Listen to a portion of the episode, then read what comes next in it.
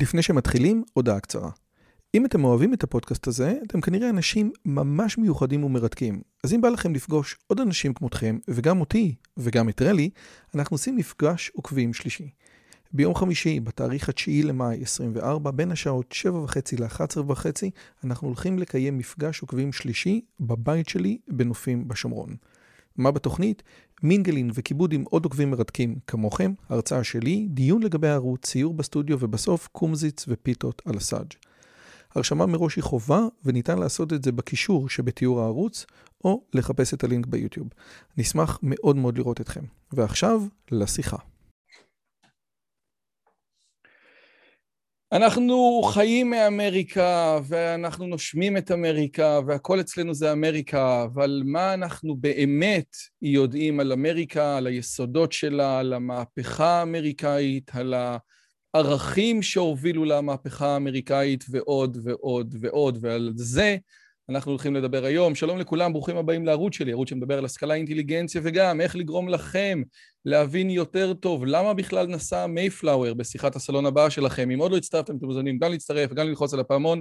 יש לנו המון ספרים, כולל הספר הזה, הצלחה בלימודים, אבל יש לנו היום משהו הרבה יותר מעניין, ויש לנו היום שיחה על ההיסטוריה האמריקאית, וכמו תמיד ננסה לעשות את זה בצורה מעניינת. אז האורח שלי היום, ואולי ככה תראו אותו בצורה יפה, הוא גיא חטא. גיא חטא, הוא גדל בנס ציונה, עשה פה את התואר הראשון, ותואר שני ושלישי עשה באוניברסיטת יל, משמש כפרופסור להיסטוריה של אירלי אמריקה, כאילו אמריקה המוקדמת, כן? אני מניח מ-1600 צפונה, כן? באוניברסיטה של צפון טקסס, פרסם שלושה ספרים על המושבות והמהפכה האמריקאית, ולמרות הכל הוא אומר שהאהבה שלו הייתה ונשארה היסטוריה רומית, ואנחנו נגיע לזה עוד רגע. אז קודם כל, גיא, אצלי זה לילה טוב, אצלך זה צהריים טובים, מה שלומך? צהריים טובים, טוב, תודה. אז קודם כל זה כיף גדול מאוד שאתה פה. אני חייב להגיד שאתה הגעת אליי בעקבות דברים שפייגלין אמר, שהשווה בין המהפכה הצרפתית והמהפכה האמריקאית, ואז כתבת לי, תקשיב, זה, זה אחלה, אבל זה, זה לא אותו הדבר בכלל, בכלל, בכלל. אז קודם כל, אה, מה הביא אותך באמת אה, להתעסק, כאילו, מה הביא סטודנט, מישהו שגדל בנס ציונה, לפני שאני אגיע לכל השאלות, לאוניברסיטת של ייל לחקור היסטוריה אמריקאית או רומית, אבל אתה יודע, עיקר העבודה שלך, רוב המחקר שלך, שלושה ספרים על היסטוריה אמריקאית, מה, מה, מה הביא אותך לזה? אמ, זה קודם כל, היסטוריה, אני איש מאוד פשוט, יש לי רק, רק עניין אחד בחיים. מאז שהייתי בבית ספר יסודי, הייתי, הייתי תלמיד טוב, אבל שני המקצועות היחידים שבאמת אהבתי היו תנ"ך והיסטוריה. בית ספר יסודי והלאה. ותודה לאל, בישראל אפשר לעשות uh, תואר ראשון, בארצות הברית צריך לעשות, uh, לקח כל, לקחת כל מיני קורסים בכל מיני תחומים שונים. בישראל אפשר לקחת רק בקורס במסלול אחד, באחד חוגי. אז עשיתי תואר, רק קורסים בהיסטוריה, שום דבר פרט ל... אה, וזהו, אז שום דבר לא הביא אותי, אני חושב שנולדתי ככה עם, עם אהבה רק להיסטוריה ותו לא. יפה, אוקיי, אז, אז תראה, היסטוריה רומית, תראה, היה פה, היה פה דייוויז הנסון לפני כמה ימים, ואתה יודע, היסטוריה רומית הוא כאילו ממש מהקלסיקנים הגדולים, אבל תראה, אני מאוד אוהב את המהפכה האמריקאית, כי לפחות בסיפורים ובאגדות, הם ראו את עצמם כבני ישראל, כן? יש את האגדה, אני לא יודע אם היא נכונה, אולי את זה, על ג'ורג' וושינגטון, שבאמצע, שבאמצע מלחמת העצמאות רואה מישהו שמדליק חנוכיה, ואז הוא מספר לו את הסיפור, ואומר לו, או, oh, יופי, זה כאילו נתן לי כוח, כן? זאת אומרת, אותם רעיונות שבעצם המסע לעולם החדש היה בעצם עם תודעה דתית, כן? מאוד מאוד מאוד חזקה. זה נכון האגדות שאני שמעתי? עזוב את הסיפור על החנוכיה של אה, ג'ורג' וושינגטון, אבל הייתה, הייתה תחושה שהם בעצם בני ישראל גרסת 1648 או משהו כזה? הייתה תחושה כזאת, אבל זו לא תחושה ייחודית אמריקאית, זה לא המסע לאמריקה, זו תחושה אנגלית. כן, ואולי נגיע לזה אחר כך, כי יש המהפכה האמריקאית היא ייחודית, ויש שאלה מה, וזה, והיא לא ייחודית בגלל שהם אמריקאים, אבל היא ייחודית מכיוון שהם אנגלים.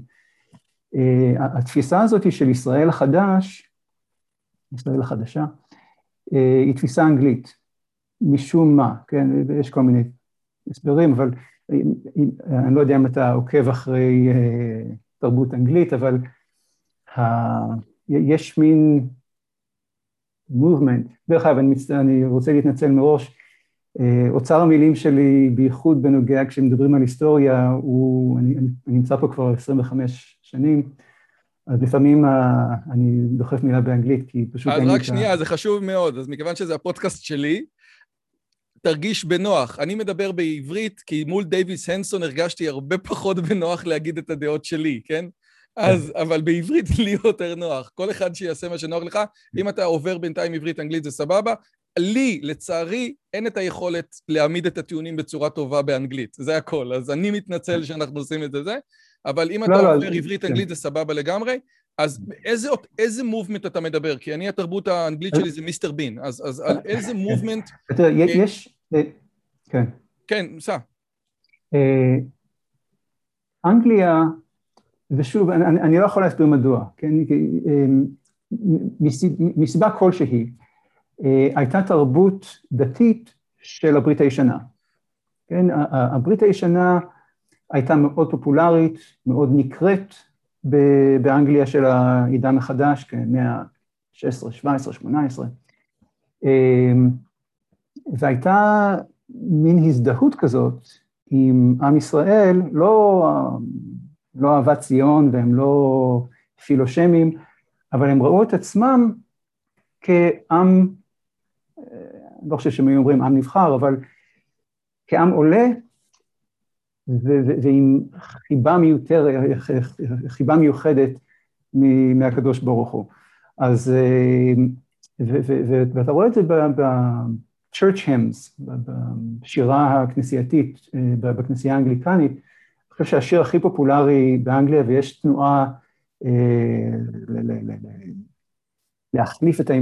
אם בריטניה תפסיק להיות מלוכה ותעבור להיות רפובליקה, השיר המוביל להיות ההמנון הלאומי הוא ירושלים, זה איזשהו המנון של הנדל או באך, לא יודע, שיר מאוד יפה באמת.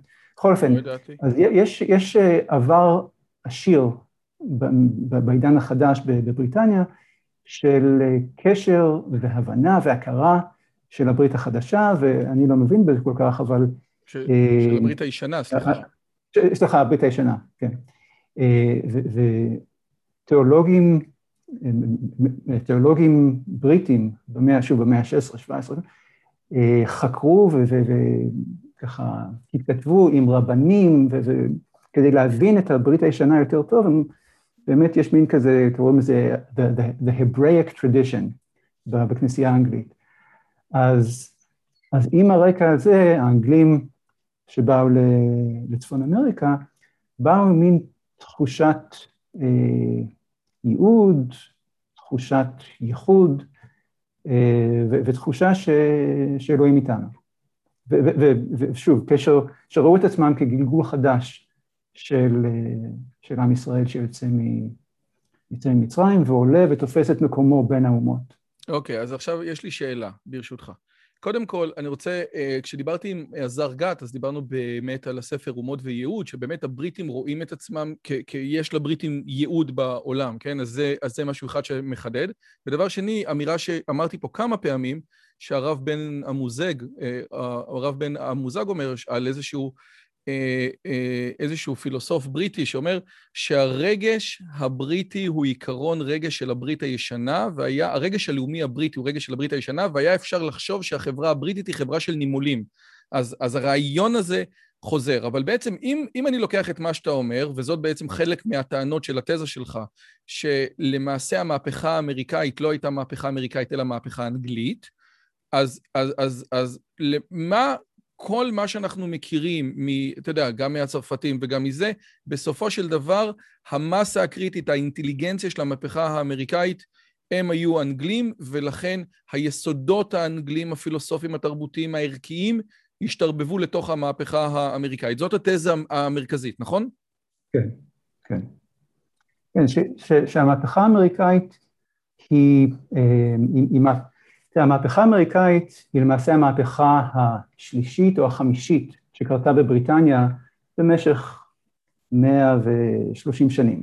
כן, היו שתי, שתי מהפכות או מלחמות אזרחים באנגליה, ועוד שתיים שחלק מההיסטוריים תופסים אותם כתנועות סקוטיות, גרדה, אחרים רואים בהם תופעה בריטית in general, אה, אבל אלה ארבע מהפכות, או לפחות שתיים, אני חושב ארבע, אבל ניחא, במהלך המאה, מאה עשרים, מאה שלושים שנים האלה, לפני המהפכה האמריקאית, על אותם נושאים, כן, ועל אותן, שמה שגרם להם אה, לפרוץ, זו אותה תחושת אי צדק, או תחושה, פושבק, כנגד עריצות.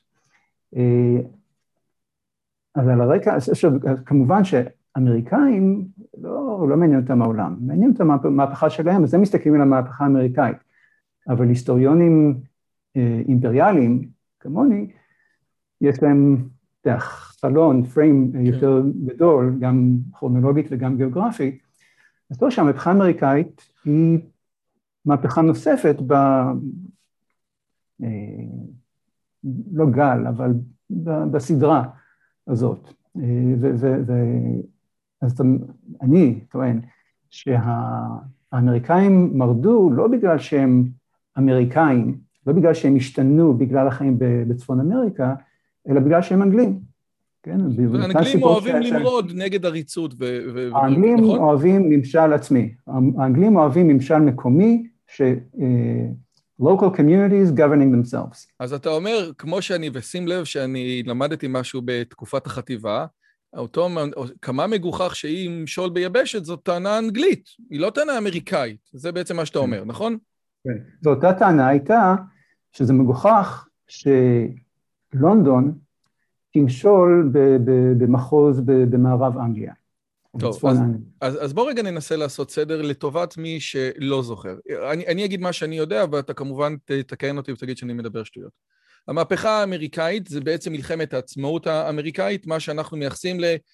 יש ספר שנקרא 1776, נכון? זה בעצם התאריך, אגב, הם, הם, הם עוד נלחמו הרבה אחר כך, אבל זה התאריך שבעצם 13 המושבות הראשונות מחליטות לייצר איזושהי פדרציה ולהילחם באנגלים. זה נכון מה שאני אומר? נכון. יפה מאוד. עכשיו, ב-1700, ב-1789, שזה זה, הבסטיליה נופלת, וזאת המהפכה הצרפתית. עכשיו, גם המהפכה הצרפתית היא כנגד עריצות, היא כנגד האריסטוקרטיה, היא כנגד הפושבק, זאת אומרת, כל מה שקדם למהפכה הצרפתית, העובדה שהביאו את העם ולא נתנו לו להחליט וכל הדברים האלה. אבל פתאום אנחנו רואים שחופש שוויון ואחווה במהפכה הצרפתית מידרדר מהר מאוד לטרור יעקוביני, והמהפכה האמריקאית, כולל הקרבות הקשים מאוד שיש שם, ברגע שזה נגמר, עובדים יפה. אז מה, זה בגלל שהצרפתים עם מטומטם? זה יכול להיות, אבל זאת לא הסיבה. אתה אומר, אני מומחה לאנגלים, לא לצרפתים. מבחינת הסטריאוטיפ אני מקבל, אבל אה, אני מומחיות בנושא. אמ, תראה, אמ, אז קודם כל, זה אחד הדברים הבולטים בחקר של ה... בחקר המהפכות, כן? שיש, אתה רואה המהפכה הזאת והמהפכה הזאת והמהפכה הזאת, המהפכות של העידן החדש, כן? כן. לפי הנרטיב שאתה תיארת, המהפכה האמריקאית הייתה הראשונה, ואז יש את כל המהפכות של המאה ה-18 וה-19. ומכל המהפכות, אחת היא יוצאת דופן, כן? כי כל המהפכות זה מין אנדרלמוסיה כזאת, ודם ברחובות, ועולם הפוך, ובסוף המהפכה, מי שהיה עני הוא עכשיו עשיר, מי שהיה בעל כוח, ממשל, אין לו כוח ממשל, מי שהיה חי, מת, בעוד שהמהפכה האמריקאית מאוד יציבה, כן, הייתה פירמידה כזאת של החברה לפני, בסוף, בסוף המהפכה אותה פירמידה, העשירים עשירים, השליטים שליטים, אה, והחיים ממשיכים הלאה. אז זה תמיד היה מין כזה, מה, מה שונה במהפכה האמריקאית? אז בשביל מה נלחמתם? בדיוק, כן. אה, ותראה, זאת אחת, אני, אני מקשיב לפודקאסט שלך הרבה, ואתה מזכיר הרבה את מיכאל, סגור, מיכאל סגור, מיכאל הר סגור. שתדע לך שאני הייתי אצלו בבית וברכתי, יש ברכה שצריך לברך שאתה רואה חכם מאומות העולם. זה, זה גם חכם שהוא, שהוא לא לומד תורה בעצם. ואני כשראיתי אותו אני בירכתי את זה בשם מלכות. אתה יודע איזה כבוד היה להיות אצלו פעמיים בבית? הכרת אותו מהלימודים? אני הלכתי אליו ואמרתי לו, אתה יודע שהתקופה, יש לו ספר על עידן האורות, הרי הוא טבע את המונח. אז באתי אליו עם הכיפה הענקית הזאת, ואמרתי לו, אתה יודע שהתקופה שאני הכי אוהב זה עידן האורות. אז הוא אמר לי, אתה צריך להסיק מזה מסקנות אישיות. מקסים הוא היה. אז, אז אני גם כן מאוד אהבתי את מיכאל הר סגור, כמו שאמרתי לך, תמיד אהבתי היסטוריה, את השיחות האלה עם אלכסנסקי, ו... ושוב, זה, זה אחד הדברים, אתה יודע, תמיד אהבתי היסטוריה, אז לא הייתי צריך אותו כדי שימשוך אותי להיסטוריה, אבל זה באמת... אבל הוא באמת עשה את זה נפלא. כן, עשה את זה באמת נפלא. ולפני שנתיים, שלוש, ארבע, אחי, כמתנת יום הולדת, אה, אסף לי, הקליע, לא יודע איך שהוא, איך הוא קיבל את ההקלטות האלה, אבל הוא שלח לי קובץ של כל השיחות האלה עם אלכסנסקי, והיה אחר כך מישהו אחר במקום אלכסנסקי. היה את אה, אה, רן סבג, ואז את ליעד מודריק בסוף. כן, אותה, כן. והקשבתי ופחות אהבתי. זה הזכיר, אימא שלי תמיד הייתה אומרת, אם אתה קורא ספר וזה עושה לך רושם נהדר או רואה סרט... אל תחזור אליו שוב. אל תחזור, כן? זה, לא- יותר טוב זה לא יהיה. יכול להיות שיהיה יותר גרוע, יכול להיות שיהיה יותר דבר, יותר טוב זה לא יהיה. אז זה הזכיר לי את זה שהקשבתי, אני זכרתי אותו, את השיחות האלה בחיבה ובהערכה רבה להיסטוריה. רגע, שנייה, לפני שאתה אומר לי למה, כי יש לי תיאוריה. אחד הדברים שדיברו נגד ארסגור במשך הרבה מאוד זמן, שהוא מאוד מאוד הולך על הגישה האישית, הפרסונלית בהיסטוריה. זאת אומרת, למה המלחמה פרצה? לא בגלל שהיה יחסי כוחות, אלא בגלל שהמלך הזה, ההוא אמר משהו על אשתו, אז הוא התעצבן, אז הוא זה. עכשיו, כן. מהצד השני, אנשים, אתה יודע, אשתי לא סבלה היסטוריה תמיד בגלל שכשהיא שמעה בכיתה, גרמניה החליטה להילחם, צרפת, מי זה גרמניה? מי זה צרפת? אבל בסופו של דבר, הוא באמת לקח את הצד האישי לקיצוני, אבל, אבל יש צד אישי. לולא וושינגטון, לולא תומאס מן, לולא פרנקלין, זה לא היה נראה ככה, לא? אי אפשר לדעת כמובן. אה, אז תראה, זה, זה דווקא לא כל כך הפריע לי, כי זה אני מבין שזה עניין של איך, מה, מה ההוק שאתה תופס אנשים, כן? אנשים אוהבים אנשים, אנשים לא אוהבים גרמניה החליטה. וכוחות, אתה יודע, שיש מין רגש כזה שפושה בעם ואנשים מתחילים לחשוב בצורה אחרת, זה לא מובן, צריך אנשים. אה, אבל, לשאלתך, תראה, זו באמת שאלה, מה הביא את, את המדיניות של צ'רצ'יל, או את המדיניות של אה, אברהם לינקולן? האם זה האיש או האם זה צורך חברתי בכזאת מנהיגות, שאני באמת לא יודע, אבל השאלה הפרסונלית היא, מה גורם לדברים לקרות בעולם? האם זה כוחות, אתה יודע, קפיטליזם, קומוניזם, אה, דמוגרפיה, אה, האם ההיסטוריה עושה את האדם או האדם עושה את ההיסטוריה? בדיוק, אז באמת שאלה וזה פתוח, אבל אז לא, אז זה, זה לא מה שככה הפריע לי, למרות ששוב אני מבין שזה יותר היסטוריה פופולרית מאשר אקדמית, אני יותר איש של כוחות מאשר אנשים, אבל... אוקיי, אז מה הפריע לך בסדר? אז עכשיו עוד יותר הפריע אותי. אז, אז, אז מה, שהפ... מה שהפריע לי לאחר מעשה, עכשיו לפני כבר שנתיים שאני היסטוריון מדופלם של ארה"ב, שהפרקים האמריקאים שלו, תראה, הוא היסטוריון אירופאי, אה, זה לא המומחיות שלו, אז כמובן בשבילי, שאני עכשיו מומחה, זה לא... אני כל הזמן ככה עושה לי רשימות, זה לא נכון, זה לא נכון, מתווכח איתו. אז זה, אבל זה שוב, זה עניין פשוט אה, של דקדקנות כזאת. אבל מעבר לזה, הגישה ההיסטורית של הר סגור היא אה, פרוגרסיבית. כן, שהוא רואה את ההיסטוריה כהתקדמות, כן, התקדמות אה, לעבר הקדמה. וזה מובן כי הוא היסטוריון של עידן האורות, כן, אז הוא יציאה מימי הביניים לרנסאנס, לעידן החדש וכולי וכולי. אגב, אני רוצה רק שנייה רגע, ברשותך, רק לחדד לקהל הדתי, כי רוב הקהל, רוב המאזינים פה, מבחינתם המילה פרוגרסיבי היא מילה גסה, כן? אני רוצה לחדד שהדרך שהרב קוק, האבא, רואה את ההיסטוריה, היא גם פרוגרסיבית. ההיסטוריה מתקדמת, מהלך האידיאות בישראל. אז אם המילה פרוגרסיבית מעצבנת אתכם, ובצדק, כי אתם חושבים, מה פתאום, אני לא רוצה להיות שמאלני, שתדעו שגם הרב קוק האבא, בכל מיני דברים, רואה את הדברים ככה, בסדר? אז שימו לב כן. לזה תוך כדי שאתם אה, חושבים. סליחה, כן. המונח באנגלית הוא לא Progressive History, אלא Whig History, כמו המפלגה הוויגית, W-H-I-G, שזה תפיסה ש... אתה יודע, החיים היו דרק, ואז פחות דרק, ויותר טוב ויותר טוב ויותר, ומחר יהיה נהדר. אמ, שוב, כל מיני, נגיד היסטוריה של נשים, או היסטוריה של המדע, או היסטוריה, יש, יש נרטיב של progress, יודע, שאנחנו הולכים ומתקדמים, ויש גישות שהן יותר אה, מעגליות, שיש חוזרים, חוזרים, ויש תיאוריות שהן של ירידה, כן, שוב. אז, uh, אז התפיסה שלו היא, אתה יודע, שאנחנו הולכים ומתקדמים, טכנולוגית, מוסרית, פוליטית, ש... שאני, אתה יודע, מובן לי שהיסטוריון כמוהו של, ה...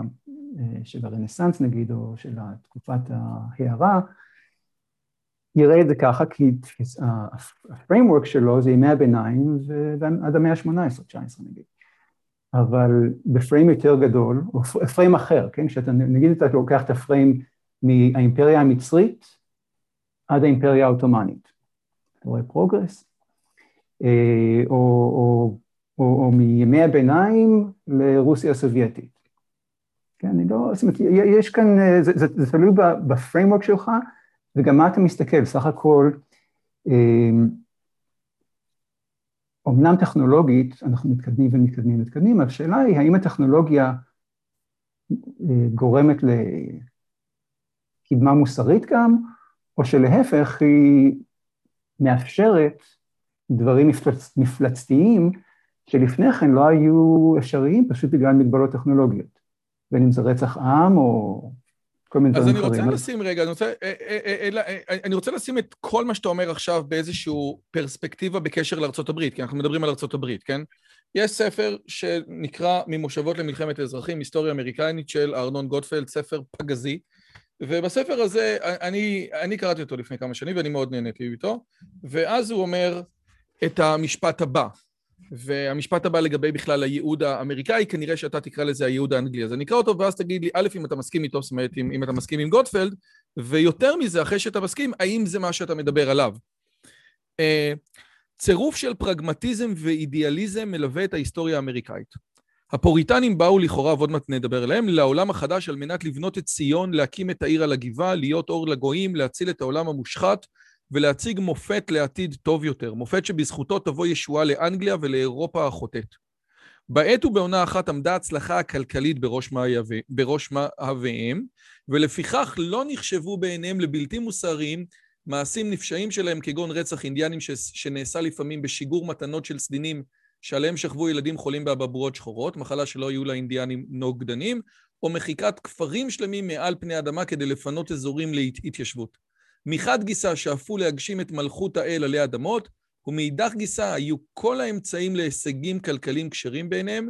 ביסוד סתירה זו המשלבת באורך מופלא קפיטליזם ופרוטסטנטניזם, הייתה מונחת ההכרה שברכת האל ניכרת באושר מופלג ובנים. ואם אתה, אלוהים לא מברך אותך, אז אתה עני. זאת אומרת, אם אני עשיר זה אומר שאלוהים איתי, כן? תפיסה אה, אה, כמעט קלוויניסטית כזאת, או לותרנית. על זה אנחנו מדברים, זאת אומרת, מה שאמרת עכשיו, קשור ל, ל, לרעיון הזה ש, שההיסטוריה האמריקאית היא מתקדמת מצד אחד אבל הולכת אחורה מהצד השני? אה, לא, תראה, קודם כל יש הרבה דברים שאני לא מסכים עובדתית עם מה שהוא אמר פה, אבל הם, הם ראו את ה... הם בוודאי הייתה להם תפיסה פרוגרסיבית, כן, וויג כזאת, ש, שאנחנו הולכים ומתקדמים, ש, ש, שהאל סוף ההיסטוריה כבר, כבר נכתב, ואנחנו שחקנים בדרמה הזאת לכיוון, לכיוון ההוא. אמ, אבל שוב, זה כשאנחנו מדברים על, יודע, המנהיגים של הפוריטנים, כן? תראה, הפוריטנים, כשאנחנו מדברים על הקולוניות הפוריטניות, אנחנו מדברים על שלוש, ארבע קולוניות מתוך הרבה, כן, לא רק השלוש עשרה בצפון אמריקה, אלא גם אחרות בקריבים. אה, ואפילו בקולוניות הפוריטניות, כמה היו פוריטנים? יש, כשאתה, אנחנו היסטוריונים, אנחנו אה, ככה כבולים למכתבים וה-sermons, עדויות. לא, זה לא, לא עדויות. בכנסייה, מה שהכומר אומר לקהילה ביום ראשון. אוקיי.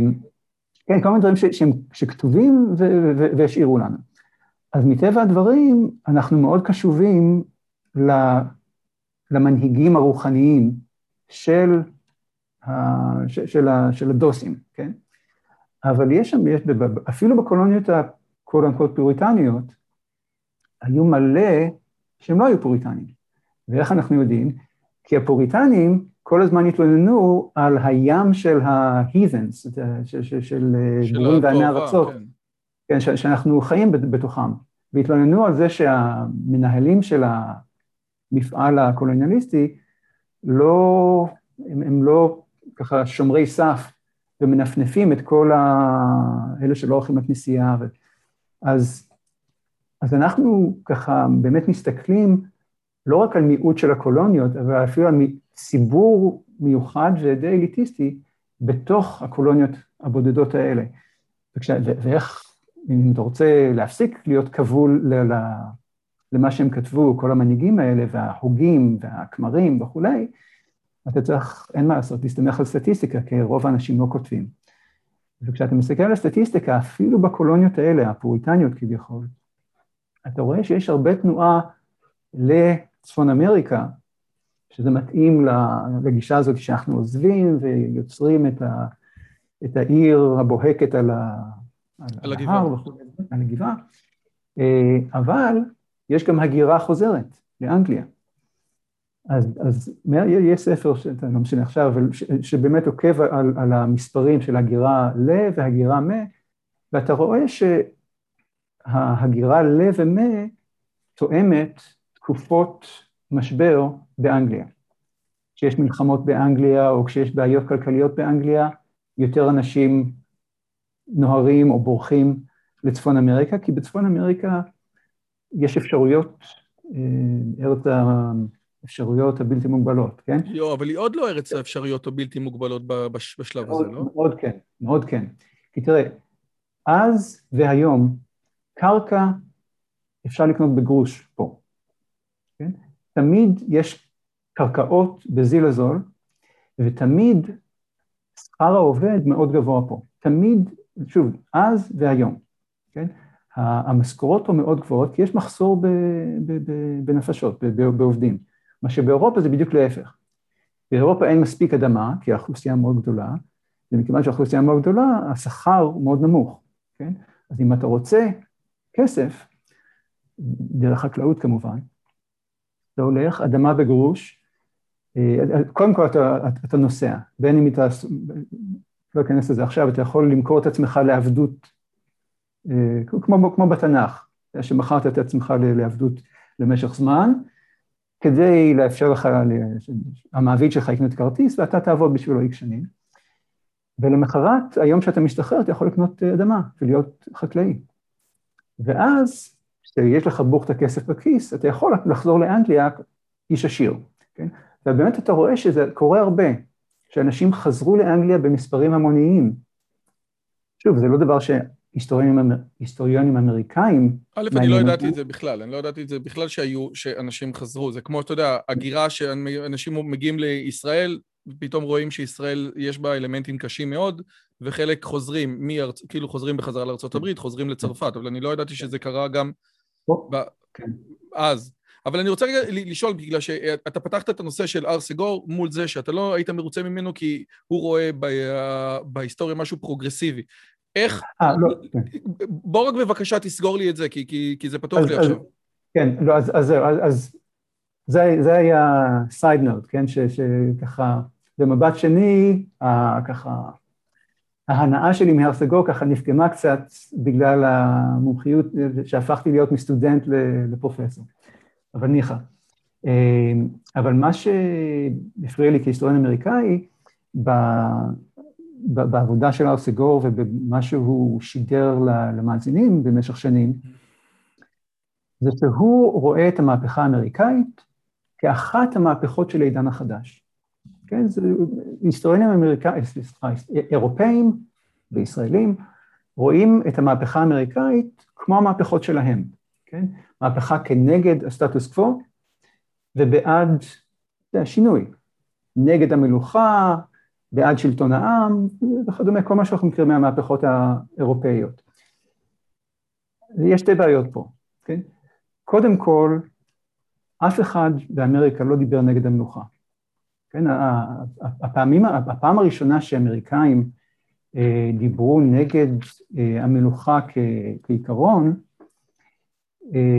היה אחרי שהכדורים כבר התחילו לעוף. כן, כשהמהפכה, כשהמלחמה החלה, אז דיברו נגד המלוכה כעיקרון שלטוני. לפני כן, אתה יודע, יכול להיות שלא היו מבסוטים מהמלך הזה או המלך הזה, אבל לא דיברו כנגד המלוכה כשיטת ממשל. זה א', אמ, וב', הרעיון שזה בעד שלטון העם, כנגד הסטטוס קוו כדי ליצור שלטון עם, גם כן לא מתאים, כי כבר היה להם שלטון עם.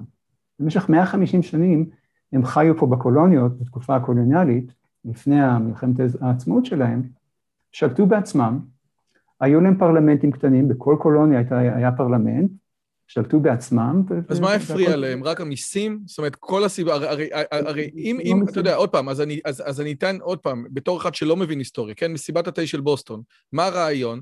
הם רואים, הבריטים רואים שאלה שם מצליחים יפה, והם מצליחים ואומרים, אוקיי, בוא, הנה פרה חולבת, ניקח יותר ויותר כסף. זאת אומרת, אז, אז בסופו של דבר, כן? סלח לי על זה שאני לא, אה, לא בקיא. אז עושה רושם שהכל היה בסדר, אם אם, אם הפרלמנט הבריטי היה חכם אה, לא ללחוץ עליהם יותר מדי, כמו סבון, כן, אז הם היו זורמים איתו. זה בעצם מה שקורה, לא?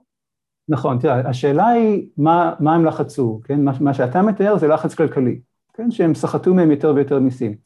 זה לא נכון. תראה, לחזור לעניין של המהפכה בעד שינוי, המהפכה...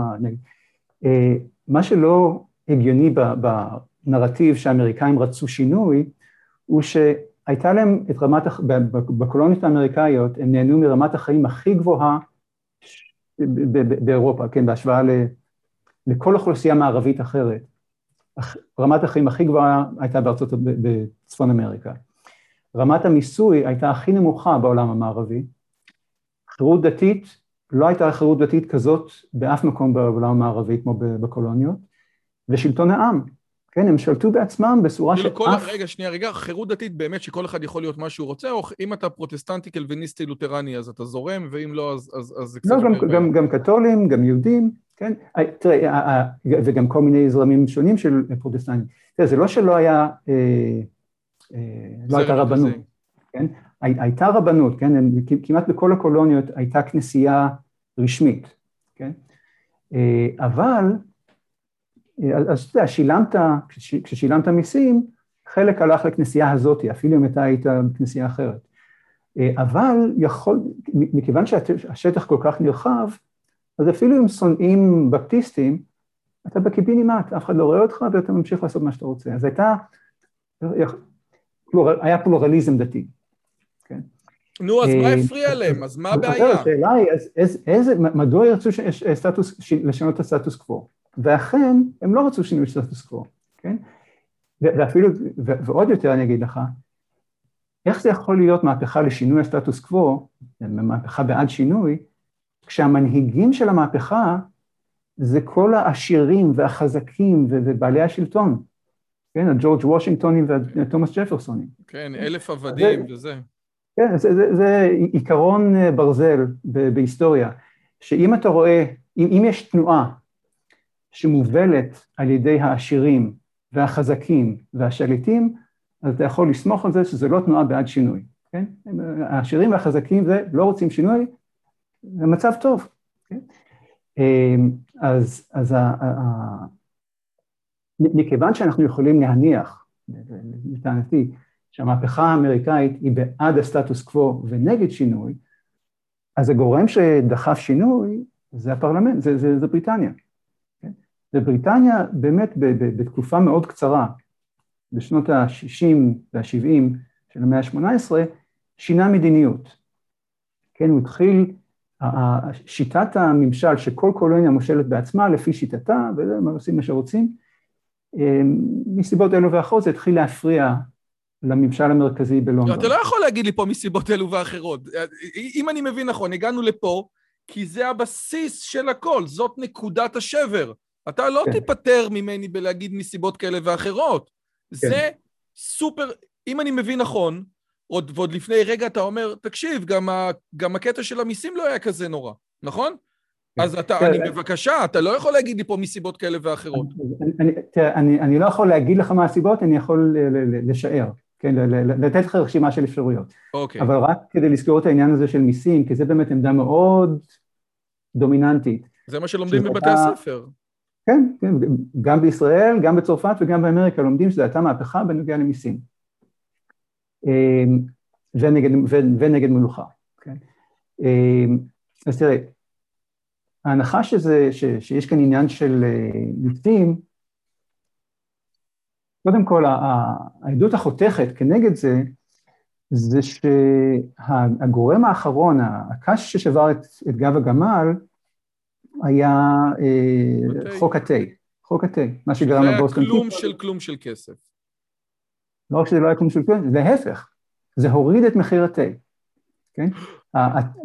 מה שה-T Act עשה, זה לתת uh, tax break, איך אומרים בעברית? Uh, זיכוי מס. זיכוי מס. זיכוי מס על תה שאתה קונה מה, מבריטניה. מה, מהחברה הדומיננטית, הייתה חברה כזאת, כמו תנובה, עם הממשלה, ב, כן, עם, עם הממשלה ביחד, אז הממשלה והחברה הגדולה הזאת עשו מין קומבינה כזאת. מי היה מאמין שבמאה ה-18 היה יחסי הון שלטון? לא, לא יאומן. אחרי אחרי זה אתה אומר שאין גישה פרוגרסיבית, שאנחנו לא מתקדמים, נו באמת. סע. אוקיי, אז התה כן, הוריד את המחיר, אני לא ידעתי את זה. כן, אז, אז היה, היה מס על תה כבר שנים, כן? ואז אה, ביטלו את המס לחברה הזאת, כן? אז אם תקנה מהחברה הכי גדולה באימפריה הבריטית, המחיר יותר זול, מה שמראה שהתלונה של, של האמריקאים לא הייתה כלכלית, כן? אף אחד לא יוצא למלחמה בגלל שאני צריך עכשיו לקנות תה ביותר זול, כן? הטענה הייתה אה, אה, חוקתית, כן? או, או חוקתית, או שחיתות, או וואטאבר, כן? אז זה היה עניין של חוקתי של למי יש זכות למסות אותנו, או להוריד מס, להעביר חוקים בשבילנו, פה בניו יורק, או פה במסצ'וסטס, או whatever. אה, ואני אתן לך דוגמה עכשיו מישראל, כן? או לא דוגמה, אה, דוגמה היפותטית. אם מחר הפרלמנט של לבנון יעביר חוק שמחייב כל ישראלי לשלם 100 שקל מס לממשלת לבנון, כן? כמובן, עם ישראל יקום ויצעק, ויהיה, מה, מה, מה זה, מה פתאום, וזה אנחנו לא נשלם. כן? אף אחד שרציני לא יתאר את זה כמלחמה על מיסים, כן? שיש כאן טענה כלכלית. כן? זו טענה דמוקרטית. טענה חוקתית, שהיחידים, הפרלמנט היחיד שיש לו זכות להעביר חוקים, כולל חוקי מס, על מדינת ישראל, על ישראלים, זה הפרלמנט של ישראל. בסדר, של... אני איתך. אז, אבל בתחילת המאה ה-18 עדיין העבירו חוקים שמה, ואתה אמרת, יש איזו נקודה של 20 שנה שמשהו קורה. כן, מה... לא, זה... אז, אז, אז, אז בוא רגע תסביר לי. אז, אז עד, באמת עד שנות ה-60, עד, עד ה-1760's, אה, הפרלמנט הבריטי לא ניהל ולא חוקק חוקים שניהלו את החיים הכלכליים או אחרים בקולוניה זו או אחרת. כן, זה היה מין, אה, האימפריה הבריטית הייתה אימפריה מבוזרת, נכון זאת המילה? כן, לא, כן, לא, לא, לא השמש לא שקעה עליה אף פעם. לא, לא, אני אומר ש... decentralized. מבוזרת, אני חושב שזאת המילה. כן, זה היה decentralized, אבל מה זאת אומרת? היא לא היה לה את אנגליה או את לונדון באמצע שמשם, אתה יודע, זה כמו רומא שהייתה כזאת, אבל היה לה את רומא, לא? כן, לא, יש, יש, את, יש את אנגליה והמלך והפרלמנט וזה, שהם ככה כמו בראש המטריה, כן? הם המנהיגים. אבל הם לא מנהלים, זה, זה, זה כמו, תראה, ממשלת ישראל מושלת בישראל, כן? אבל מי קובע באיזה ימים יאספו את הזבל בנס ציונה? עיריית נס ציונה, כן? אז זה לא אומר שממשלת ישראל והכנסת הם לא הריבון, כן? אבל אין להם uh, jurisdiction, אין להם... Uh, אין להם say על מה שקורה בכל מקום. מה שקורה במקום זה או אחר. אז כמובן ישראל הרבה יותר ריכוזית, ריכוזית מאשר ארה"ב, אבל אפילו בישראל יש הבחנה בין ממשל מקומי וממשל מרכזי. וככה היה באימפריה הבריטית, הייתה מאוד לא ריכוזית. ואז ב-17, בשנות ה-50, 60, הפרלמנט, מסיבות שונות, שאני אנסה להסביר, שינה כיוון, כן? הוא, הוא העביר כל מיני חוקים להפוך את האימפריה המאוד לא ריכוזית להרבה יותר ריכוזית, וזה... תן לי דוגמה לחוק אחד כזה, בבקשה. לדוגמה, זה שהעבירו מיסים, חוקי מס, ש... רגע, עד אז לא היו מיסים? עד לא אז... היו מיסים, לא, לא היו מיסים שהפרלמנט חוקק לתושב בניו יורק, ושה, ושהתושב בניו יורק מעביר מהכיס שלו לטרז'רי. רגע, אז איזה מיסים היה? אז, אבל המדינה, מדינת ניו יורק, הייתה צריכה להעביר מיסים? כן, כן, תראה, כל, כל, כל עירייה וכל קולוניה העבירה מיסים, אבל זה מכיוון שבכל עירייה האזרחים היו מיוצגים, בכל קולוניה האזרחים היו מיוצגים. בפרלמנט אף, אף אה, נתין אמריקאי לא היה מיוצג בפרלמנט. היחידים שהיו מיוצגים בפרלמנט היו בריטים בבריטניה. כן? אז לכל, כעיקרון לכל רגע, סליחה, סליחה, אז אני שנייה. מסצ'וצ'ס, שאני לא יודע להגיד את זה נכון. הקולוניה הזאת העבירה כסף מארצות הברית לבריטניה? לא. אה, אה, אה אז, אז, אז, אז, אז בסדר, אז, אז, אז כן התחילו, זה לא ש... אתה יודע, אה, הם העבירו מיסים רק ברמה גדולה, אמרו להם כל, שיש לכם, אתה יודע, את, את הרף מיסים שלכם, אתם תסדרו את זה איך שבא לכם, ועכשיו הם אמרו לא, גם האזרח הזה ישלם לפי מס פרוגרסיבי כזה או אחר. אלא בפעם לא, הראשונה הם מבקשים מארצות הברית שתעביר כסף באטלנטי ימינה. למשרד האוצר, כן, עד עכשיו אה, אני כאזרח מסצ'וסטס אה, שילמתי מכיסי למשרד האוצר של הקולוניה שלי, כן? ועכשיו בנוסף למס הזה הבריטים רוצים שאני גם אעביר כסף למשרד האוצר בבריטניה, אז זה א', אה, ב', אם אתה מעביר, וגם כל מיני חוקים אה, שהם העבירו לגבי אה, מכס, כן? עכשיו איך, החוקים שבאמת כאבו לאמריקאים, כמו שאמרתי קודם, זה לא עניין של הכסף, כן? אף אחד לא אוהב לשלם יותר כסף, אבל כמו שאמרתי לכם בדוגמה של לבנון, הטענה שלך זה לא כספית, כן? אפילו אם הפרלמנט היה דורש ממך אגורה, היית אומר מה פתאום, הפרלמנט של לבנון, כן?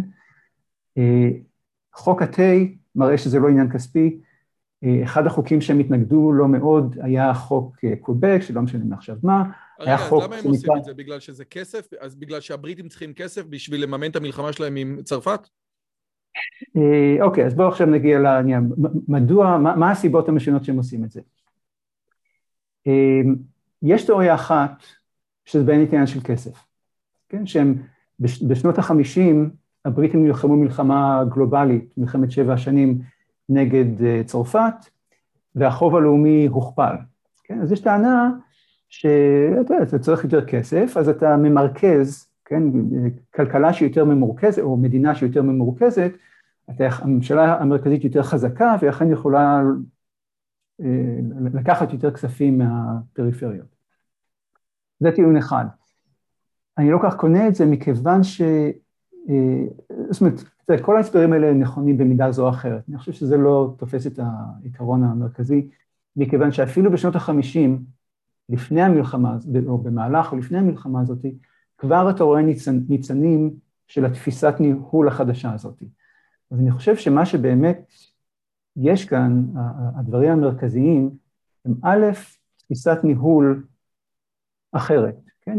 יש, יש חברה שהיא חברה כלכלית, אה, כן, תפיסת ניהול של הפרלמנט הבריטי, הוא רואה כן. את עצמו אחרת אל מול הקולוניות. כן, שהם רואים את האימפריה, כש, כשהבריטים מסתכלים על האימפריה שלהם, הם רואים אימפריה פרטצ'קית, כן, שכל אחד עושה מה שהוא רוצה, ואנחנו, אנחנו השליטים במרכז, אין לנו נוכחות חזקה בניו יורק, מסצ'וסטס, צפון קרוליינה וכולי וכולי, כל אחד עושה מה שהוא רוצה, כן, ככה לא מנהלים מדינה. בהשוואה ל... תסתכלו על צרפת, אימפריה ממורכזת, המלך מנהל בעצמו את כל הנתינים שלו, את כל הקולוניות שלו, אותו דבר עם ספרד. וזה לא רק, וזה לא רק עניין של אימפריה, זה גם עניין בתוך, בתוך המדינה. יש אותו דבר, את אותו שינוי תפיסה בתוך בריטניה עצמה. אמרתי לך שהיו ארבע מהפכות כאלה בתוך בריטניה כנגד עריצות. זה, זה אותו תהליך אה, קרה, כן? שהממשל המרכזי, האנגלים היו רגילים שכל קהילה מושלת בעצמה, כן? הממשלה המרכזית לא הייתה נוכחת בחייך. ולאט לאט, או פחות לאט, אה, הממשלה המרכזית במאה ה-17, ושוב בסוף המאה ה-17, במאה ה-18, עשו כל מיני רפורמות, גם להגדיל מיסוי וגם להגדיל נוכחות והשפעה בכל מיני קהילות בתוך בריטניה ובאימפריה בכלל. ו- וזה חלק מתפיס, מתהליך מאוד ארוך בכל אירופה. כן? כשאתה מסתכל על המעבר מימי הביניים, ואני לוקח אותך קצת אחורה, כשאתה מסתכל על המעבר מימי הביניים לימינו, התהליך הכי גדול שאתה רואה זה הטרנספורמציה של המדינה ממדינה סופר לא ריכוזית למדינה סופר ריכוזית. כן? לדוגמה, היום ראש ממשלת איסלנד או ליכטנשטיין, יש לו הרבה יותר כוח כלפי האזרח הליכטנשטייני מאשר היה ללואי ה-14 על אזרח צרפתי בפרובנס.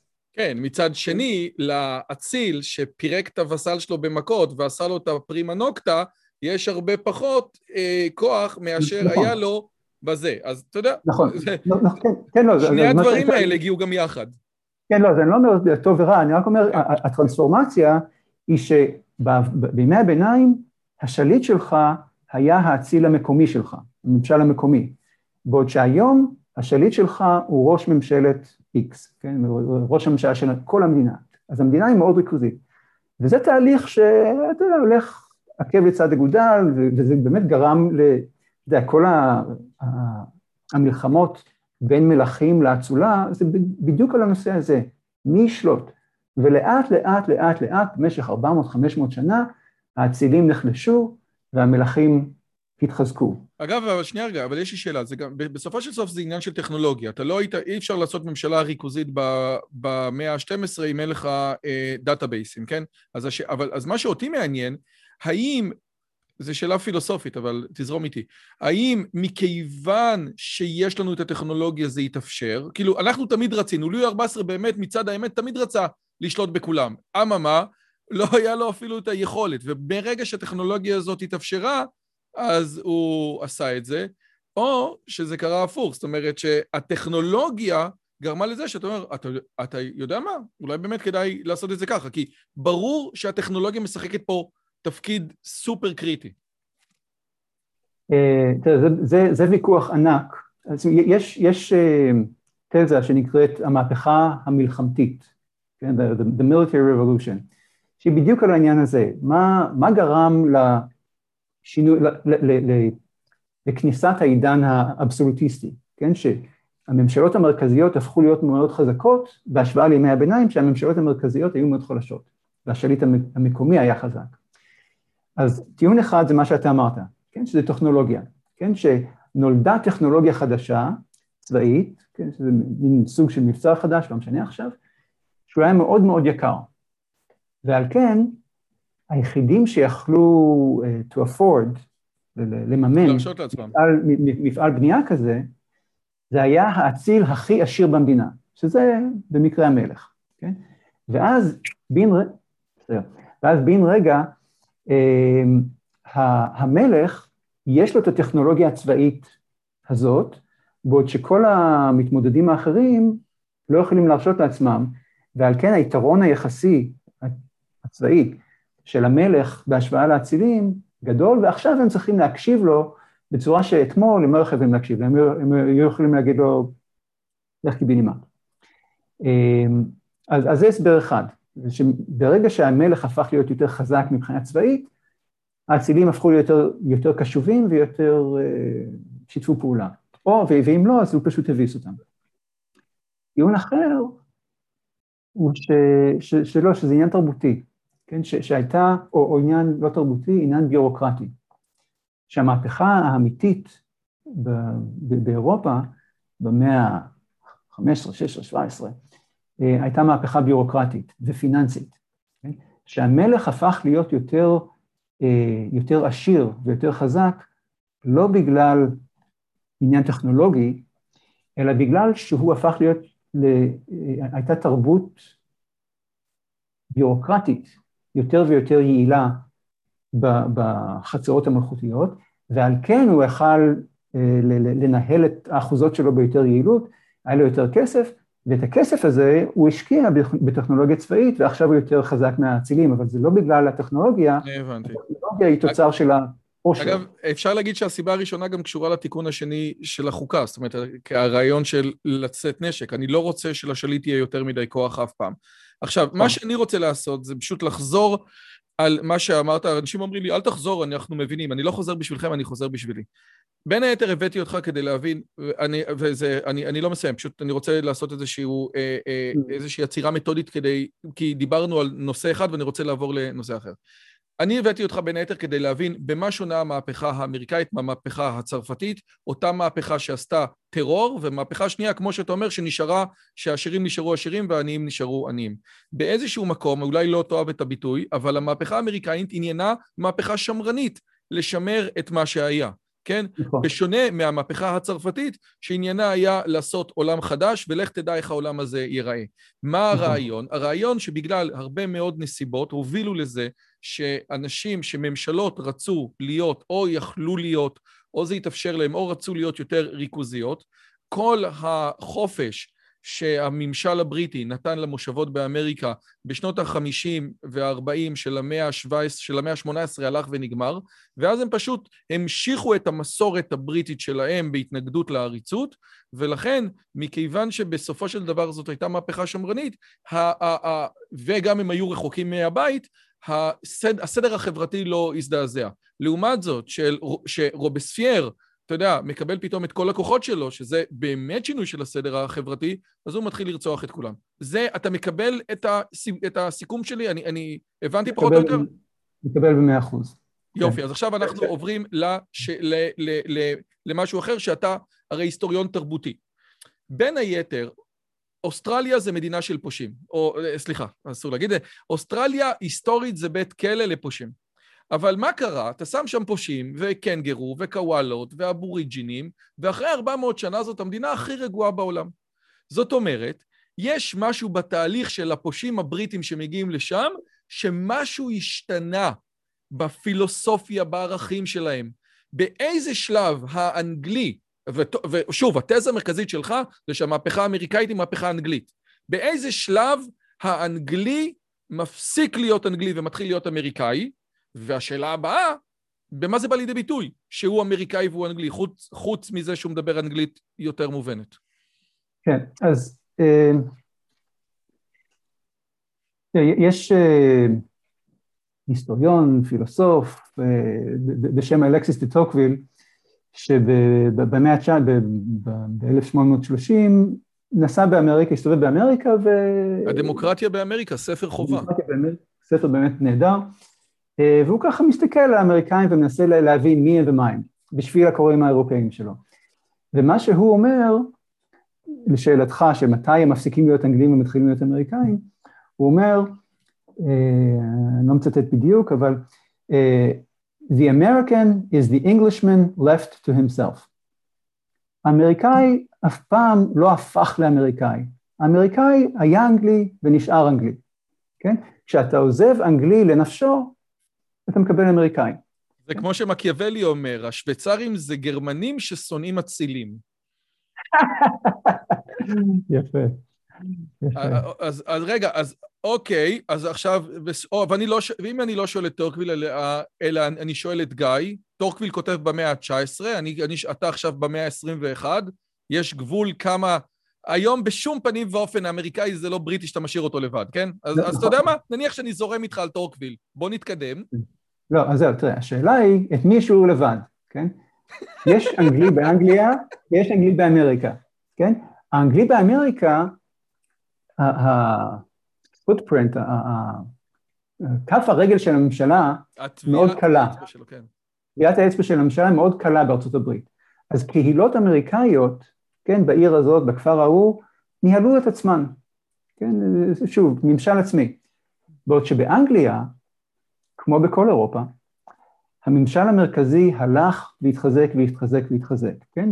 ועל כן בריטניה היום הרבה, שוב, גם, גם ארה"ב הלכה והתמרכזה לאורך השנים, אבל... כן, השמאל בארצות הברית הרבה יותר... רוצה ממשל הרבה יותר ריכוזי מהימין. כן, אבל מה לעשות, בארצות הברית יש חוקה עתיקה, החוקה הכי עתיקה בעולם היום היא החוקה האמריקאית, והיא חוקה מהמאה ה-18. בסדר, אבל אתה רואה שהתיקון השני לא כזה מעניין אותם, למרות שהוא כתוב בחוקה בצורה מאוד ברורה. לא, תראה, א', מאוד מעניין, ובוודאי שמעניין את בית המש... בתי המשפט, כן? אפילו אם לא מעניין את הציבור, מה שכן מעניין, אבל, אבל אני חייב, כן. תראה, לא כל, כל העולם, כן, כמו שאמרתי, כל העולם הולך ו... ומתמרכז, במעבר של החמש מאות שנים האלה מימי הביניים, כן? העניין הוא שארצות הברית, התהליך הזה הרבה יותר איטי בארצות הברית, גם בגלל התרבות האנגלית וגם בגלל השטח הענק שמאפשר יותר פלורליזם, וגם בגלל החוקה שהיא מין עוגן כזה שמאט את הקדמה, את המודרניזציה הזאת. אבל אה, איך הגענו לזה? הגענו לזה בזה שאתה לפי דעתי, סליחה שאני אומר לך את זה, כן? 아, אבל כן. בכל אופן אני ישראלי, שאתה מאוהב בתיאוריה שלך שזה אנגלי, ואני מוכן לקבל אותה על המאה ה-18, על אמצע המאה ה-19, אבל עושה רושם, אתה יודע, שהאנגלי היום זה, אתה יודע, הוא, הוא כאילו ממש נמשך. יש, עושה רושם שדברים שמשהו באמריקניזציה, עם, עם, עם ההגירה המטורפת במאה ה-19, כן? ובוודאי מה שקורה, זה, זה כבר לא. באיזשהו שלב זה נפרד, ו- ואני סתם מעניין אותי, כמובן כן. שאי אפשר לשים תאריך, אבל האמריקאי היום הוא, הוא, הוא, הוא לא בריטי שאושר לנפשו, אפילו גם אם משכנו את זה הרבה הרבה הרבה. לא, הש, השאלה היא, תראה, בוודאי שהבריטים והאמריקאים היום שונים, מאוד, כן? השאלה היא, מי יותר דומה לבריטי של 1775, כן? שלפני הפירוד, איזה מדינה, איזה תרבות היא יותר נראית כמו התרבות המאוחדת שלפני הפירוד.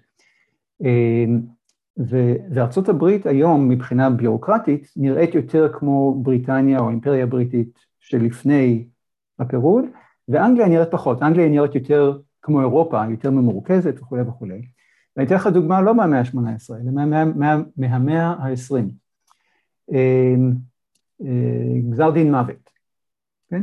ארה"ב היא המדינה היחידה לפי דעתי בעולם הערבי, או אחת היחידות, שעדיין לא רק מאמינה, אלא גם insists על עונש מוות. בטקסס יש לכם את זה, נכון? טקסס כן. אתם כאילו נהנים מהעניינים האלה. בוודאי, כמו שאומרים, בטקסס הארוחה האחרונה היא בופה. אז אה, כי יש כל כך הרבה. אבל אה, אז, אז השאלה היא, שוב, מי השתנה, כן? האם האמריקאים השתנו, או שהאנגלים השתנו, או האירופאים? ואתה רואה שעד שנות ה... לא יודע... כי במאה ה-18 היה עונש מוות בבריטניה. די, כמו... נו, אז, אז, אז, אז, אז מה אתה אומר בעצם? הנה, אז, אז בעצם האמריקאים זאת התרבות הבריטית המקורית, כי אנחנו אה, משאירים את העונש מוות? כן, לא, לא, זה, זה, זה כבר לא עניין של המאה ה-18. במאה ה-20. המאה ה-20 גזר דין מוות היה, אני לא אגיד בכל אירופה כי אני לא מכיר את כל אירופה, אבל זה דבר היה מוכר ומקובל ולחלוטין לא קונטרובר... לא... לא אה, שנוי במחלוקת. שנוי במחלוקת באירופה, כולל באנגליה.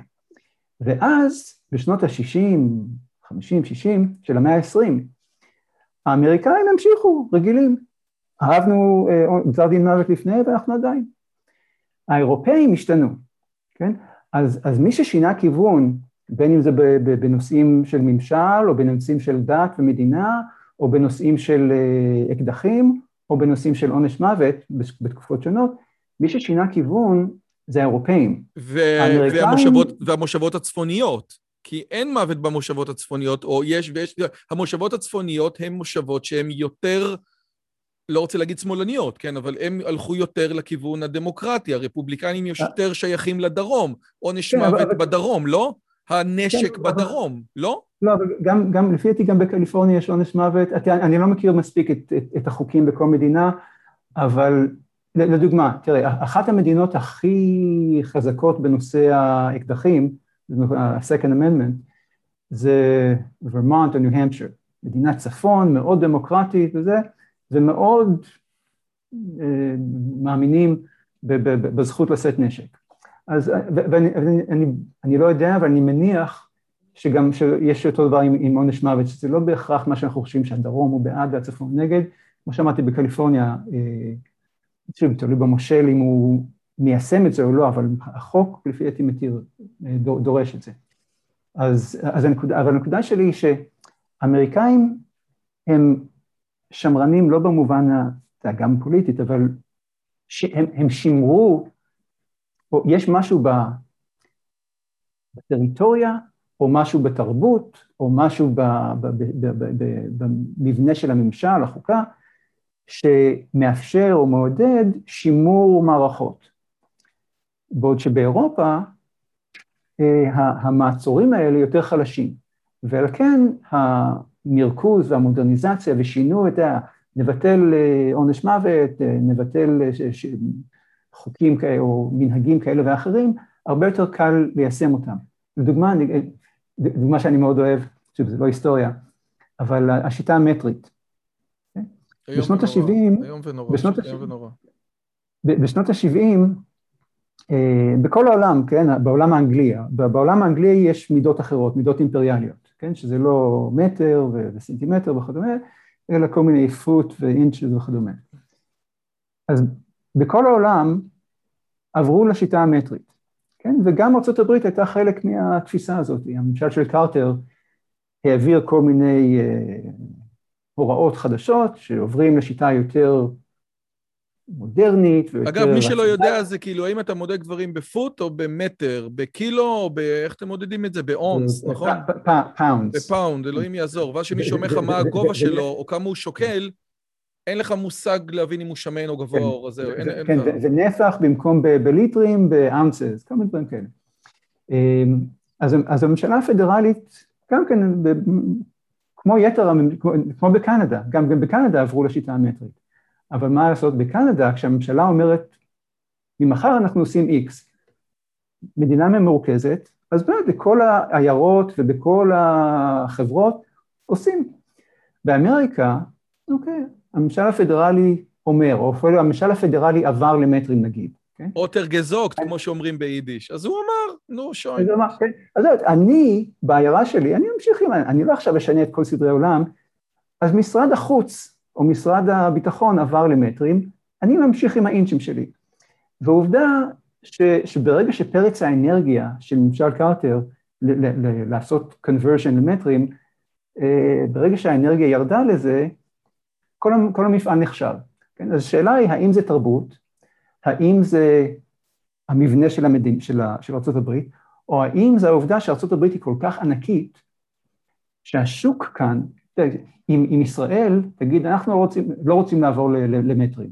כן? אנחנו מודדים את זה באמה, אנחנו כמו, ב- כמו היהודים, אנחנו מודדים באמה ובאגודל. כן. עכשיו, כשיצרן של מיצובישי מייצר מכונית, הוא לא ייצר אוטו מיוחד בשביל ישראל עם, עם אמות במקום קילומטרים, כן?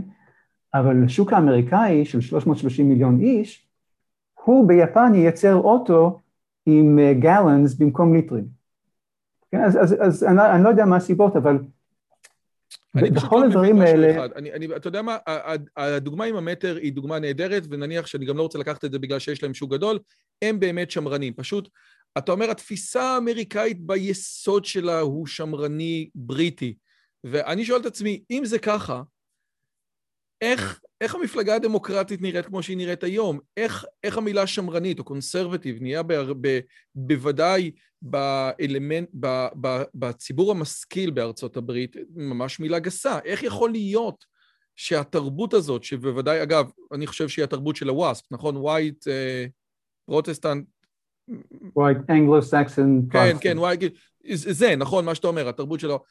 איך, איך יכול להיות שארצות הברית בצד האינטלקטואלי שלה כאילו מתרחקת מהערכים השמרניים שכל כך מאפיינים אותה, שאתה אומר הם בעצם ערכים בריטיים. איך זה יכול להיות, מה שאתה אומר?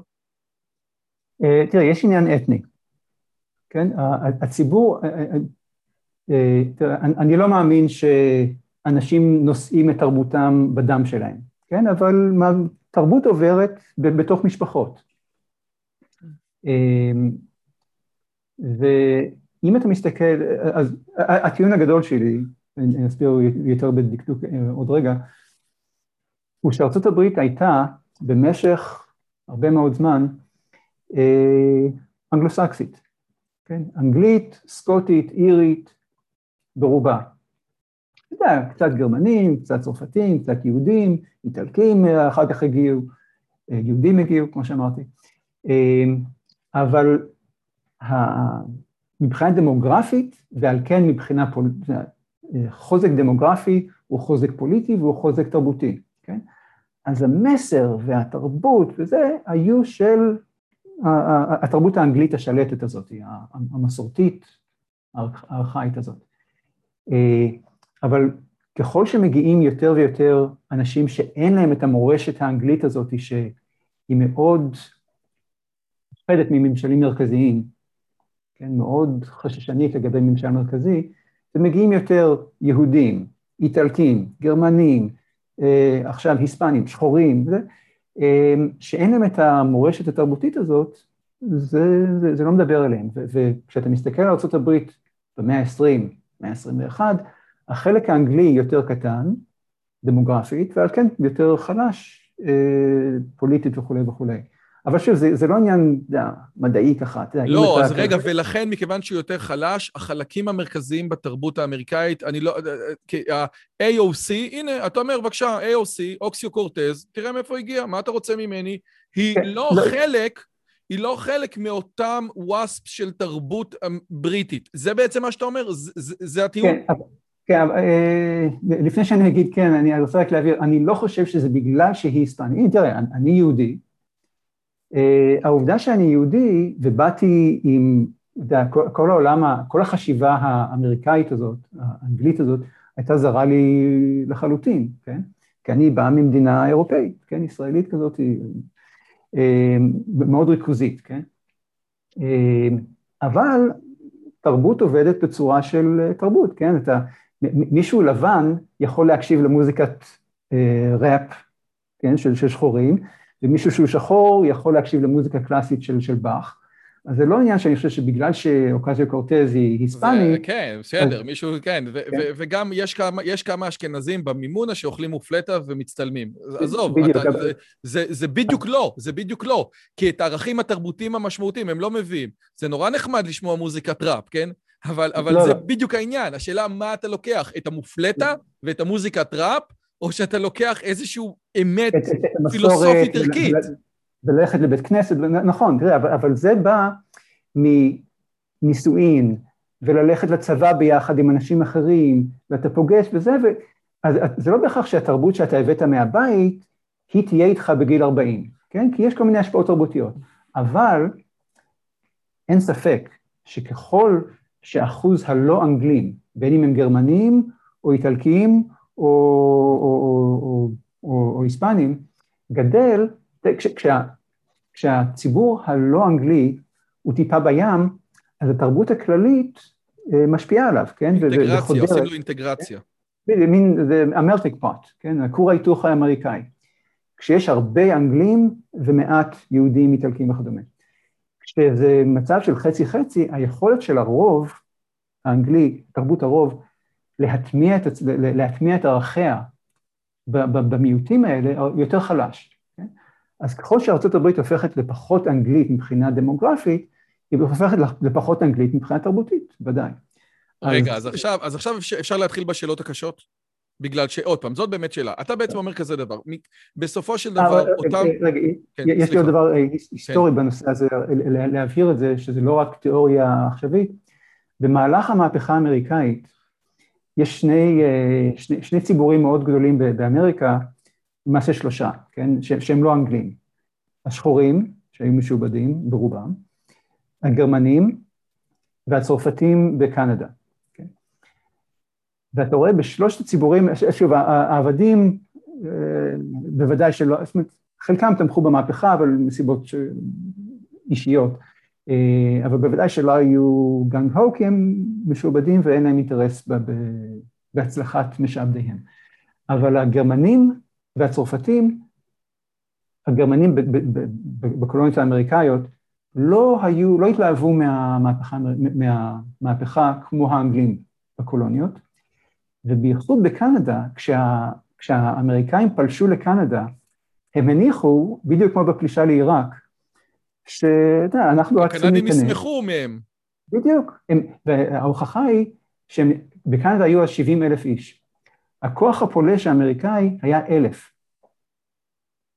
ההנחה הייתה, אנחנו נכנסים, והציבור, you know, will greet us as liberators, כי הם חשבו שהצרפתים, תחת המגף הבריטי, ירצו להשתחרר.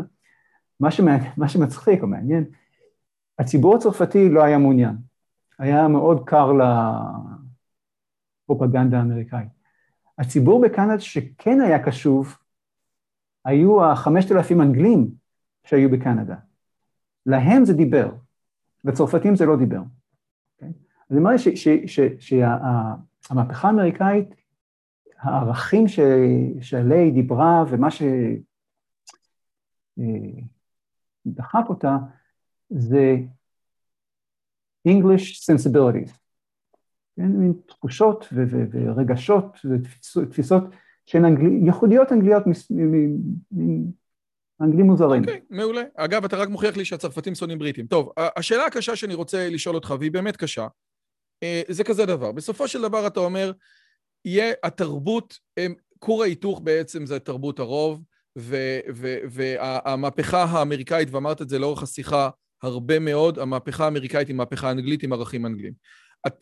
הטענה שלי כלפיך זה שמה ש... ש ואה, וכאשר יש לנו מיעוטים, והם מיעוטים בתוך הרוב, אז יש לנו כור אה, היתוך, אבל הטענה שלך אה, ואני חושב שיש בה אלמנט נכון, מובילה היום לטענות של הימין הכי עמוק והכי גזעני בארצות הברית, כי הוא בעצם אומר כזה דבר, הוואספ נעלמים, יש לנו פה יותר שחורים, יש לנו פה יותר היספנים, יש לנו את כל הדברים האלה, כן, עם כל הדברים האלה שאומרים אליהם זה are too lazy to steal, uh, uh, סתם ערך ויקיפדיה, Great Replacement או Great Replacement Theory, כן, שבדיוק כל הוואספ, כל הבריטים מוחלפים על ידי שחורים, על ידי ערבים, על ידי מקסיקנים, ולמעשה ארצות הברית הלבנה הבריטית למעשה חומקת לנו מבין האצבעות, אוקיי? ואותם אנשים, ובדיוק כמו שהבריטים לא, לא זנחו, בדיוק כמו שהבריטים לא זנחו את העקרונות הבריטים שלהם, אותם לא מעט מהגרים לא זונחים את העקרונות שאיתם הם באו, ולכן אומר, אומר הימין העמוק הגזעני בארצות הברית, תראו, גיא חטא צודק, או גיא שט צודק, איך שהם אומרים את זה. הוא צודק, תראו, זה בריטים, ועכשיו הוואספ נהיו המיעוט.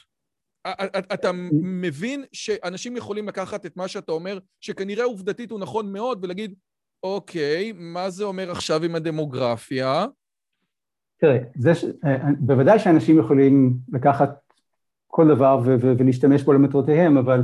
וזה לא יהיה גם אגב farfetched. זה בדיוק העניין, כן, זה לא יהיה farfetched. כן, כן, כן, לא, אבל תראה, אני אגיד שני דברים. קודם כל, זה לא רק הימין האמריקאי אומר את זה, גם השמאל האמריקאי אומר את זה. הימין האמריקאי אומר את זה בדאגה, כן? שאנחנו מאבדים את התרבות שלנו כי, כי, כי, כי אנחנו מאבדים את הציבור האנגלי הלבן או האירופאי, נגיד, האירופאי. הציבור אה, שעשה את אמריקה למה שהיא... כן, הציבור שבנה אותו, בדיוק, כן. אה, בשמאל הם רואים את אותו דבר, אבל הם אומרים, הם מסתכלים על, על העתיד לא בחשש, אלא בתקווה, ואתה יודע, כשמדברים על ה, the, the, the Obama coalition, או the, the ascendant... Uh, אולי כי השמאל רוצה לפרק את המערב כן. ולפרק את אמריקה, כי אולי כי אובמה בעצמו אמר שאמריקה, הכוח של אמריקה הוא גדול מדי, והדרך הטובה ביותר לעשות את זה, זה לפרק אותה על ידי התפרדות לקבוצות אתניות שלא מכילות את ארצות הברית, או את העם המקורי שעשה את ארצות הברית לכל כך גדולה. זה, זה, זה עניין, זה, זה מה שהוגים אומרים. זה, זה פוליטיקאי אומר, פוליטיקאי אומר, נשיא ארצות כן, הברית לא, אומר, הכוח של ארצות הברית הוא גדול מדי, צריך כן, להקטין לא, אותו. מה שאני טוען, אנחנו מדברים על אנשים, כן? אזרחים, כן? אזרחים לא מתעסקים ב... האם נפרק את העולם, את העולם המערבי וה-balance of power בין האסלאם לנצרות, הם מתעסקים בחייהם, בחייהם הם. אמ, אז, אז השמאל האמריקאי מסתכל על העתיד בתקווה, לא בגלל שהם רוצים, יכול להיות שאם הם יחשבו על זה, יחשבו על סדר עולמי וכולי וכולי, אבל הם רוצים להשיג אה, מדיניות יותר שמאלנית, כן? אה, health care, כמו באירופה, לבטל אה, עונש מוות, לבטל את ה...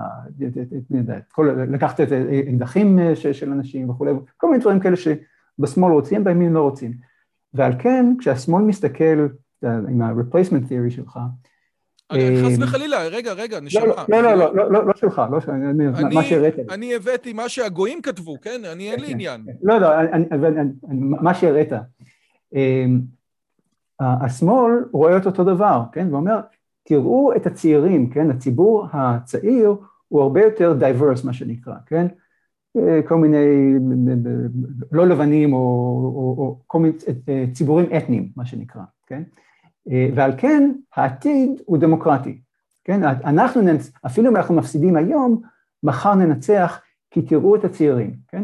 אז שני הציבורים, גם, גם יכול להיות, שוב, יכול להיות שהמונח הזה הוא מהימין, אבל את הנתונים שני הציבורים, ימין ושמאל, רואים, ואחד חושש מהתוצאה ואחד אה, סומך היטב על התוצאה. העניין הוא, מה שאתה שאלת, האם אתה חושש שאנשים, אה, או אתה על מיוט, דרך אגב.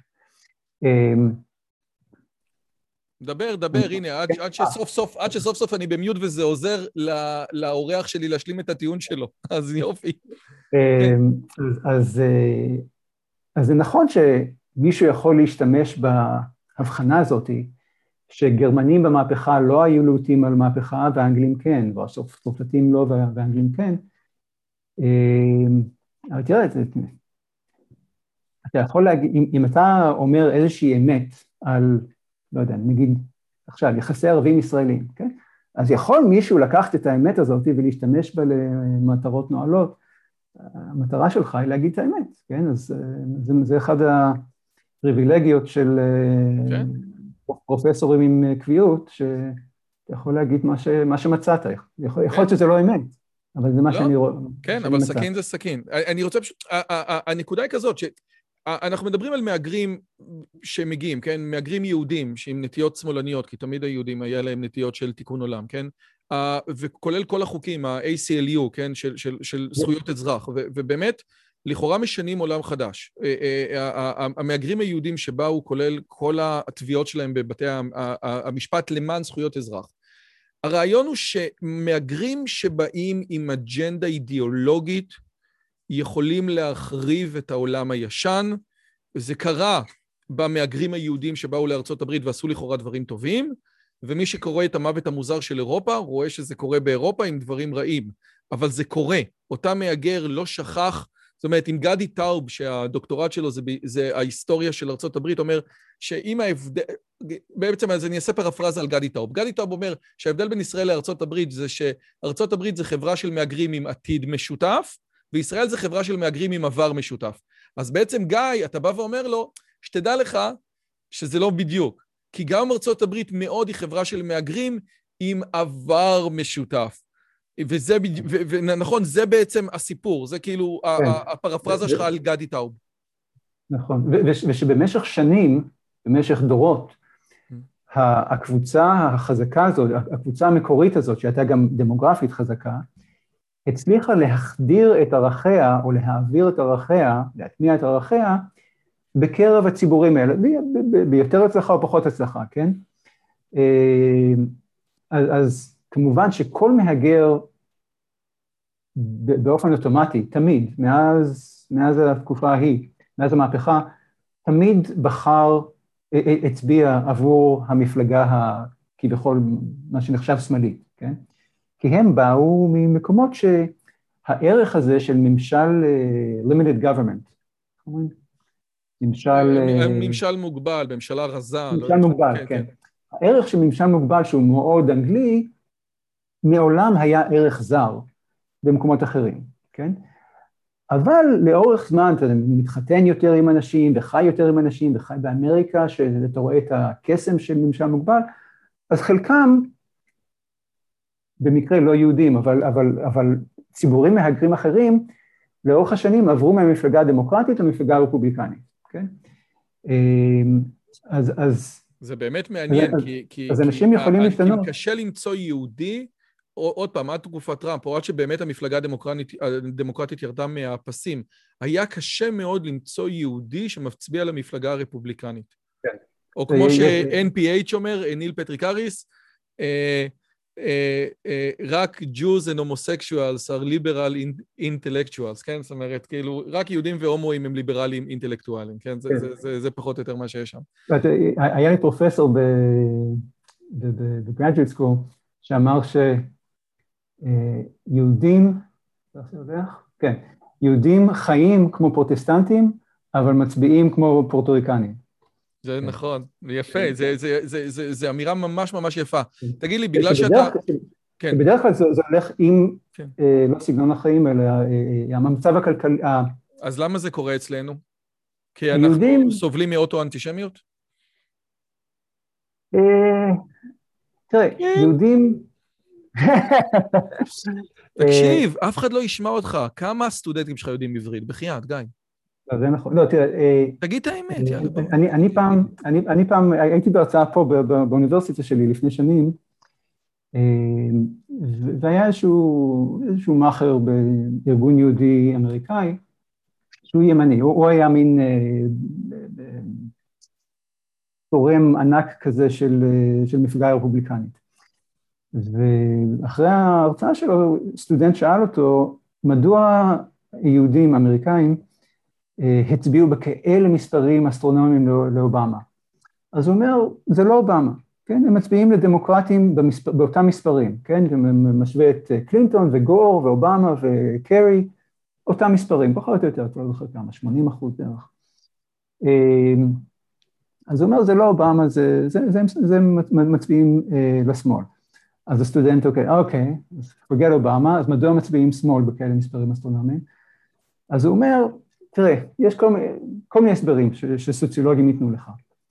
אה, אתה יודע שיהודים הם, אה, יש להם עבר של מיעוט ועל כן הם, יש להם תפיסה הזאת, יש את העניין של תיקון עולם ש, שאצל היהודים האמריקאים הפך למהות היהדות, בייחוד אצל יהודים חילונים. יהודים חילונים או אה, רפורמים, שזה בכלל כן, טירוף שם. כן, לא, אבל תיקון עולם, יש עניין של, שהם שהאתוס שלהם הוא ממעמד הפועלים, כי הם ציבור עירוני, ותמיד היו ונשארו ציבור עירוני rather than uh, suburban. יש לי תחושה שעוד מעט מגיעים לתשובה אמיתית. כן, כל הדברים האלה שהם נכונים, כן, הם סוציולוגיים. אבל אז הוא אמר, אה, תראו, אתם לא יודעים את זה כי אתם לא יהודים, אבל כל יהודי פה, בציבור, באודיטוריום, יודע שלכל יהודי יש מזוודה בארון, במקרה, just in case, כן? יש אנשים שזה מזוודה מנטלית, כן? שאתה עושה הכנות מה לעשות אם משהו יקרה ואני צריך לרוץ, כן? ויש אנשים שזה מזוודה אמיתית, שיש מזוודה בארון ממש, כן? נגיד, לדוגמה, מישראל אני יודע, שמלא ישראלים רוצים להישאר בישראל, אבל מה, נקבל אזרחות אוקראינית. You never know. כן, אזרחות פולנית. זה טמטום ש... כזה גדול.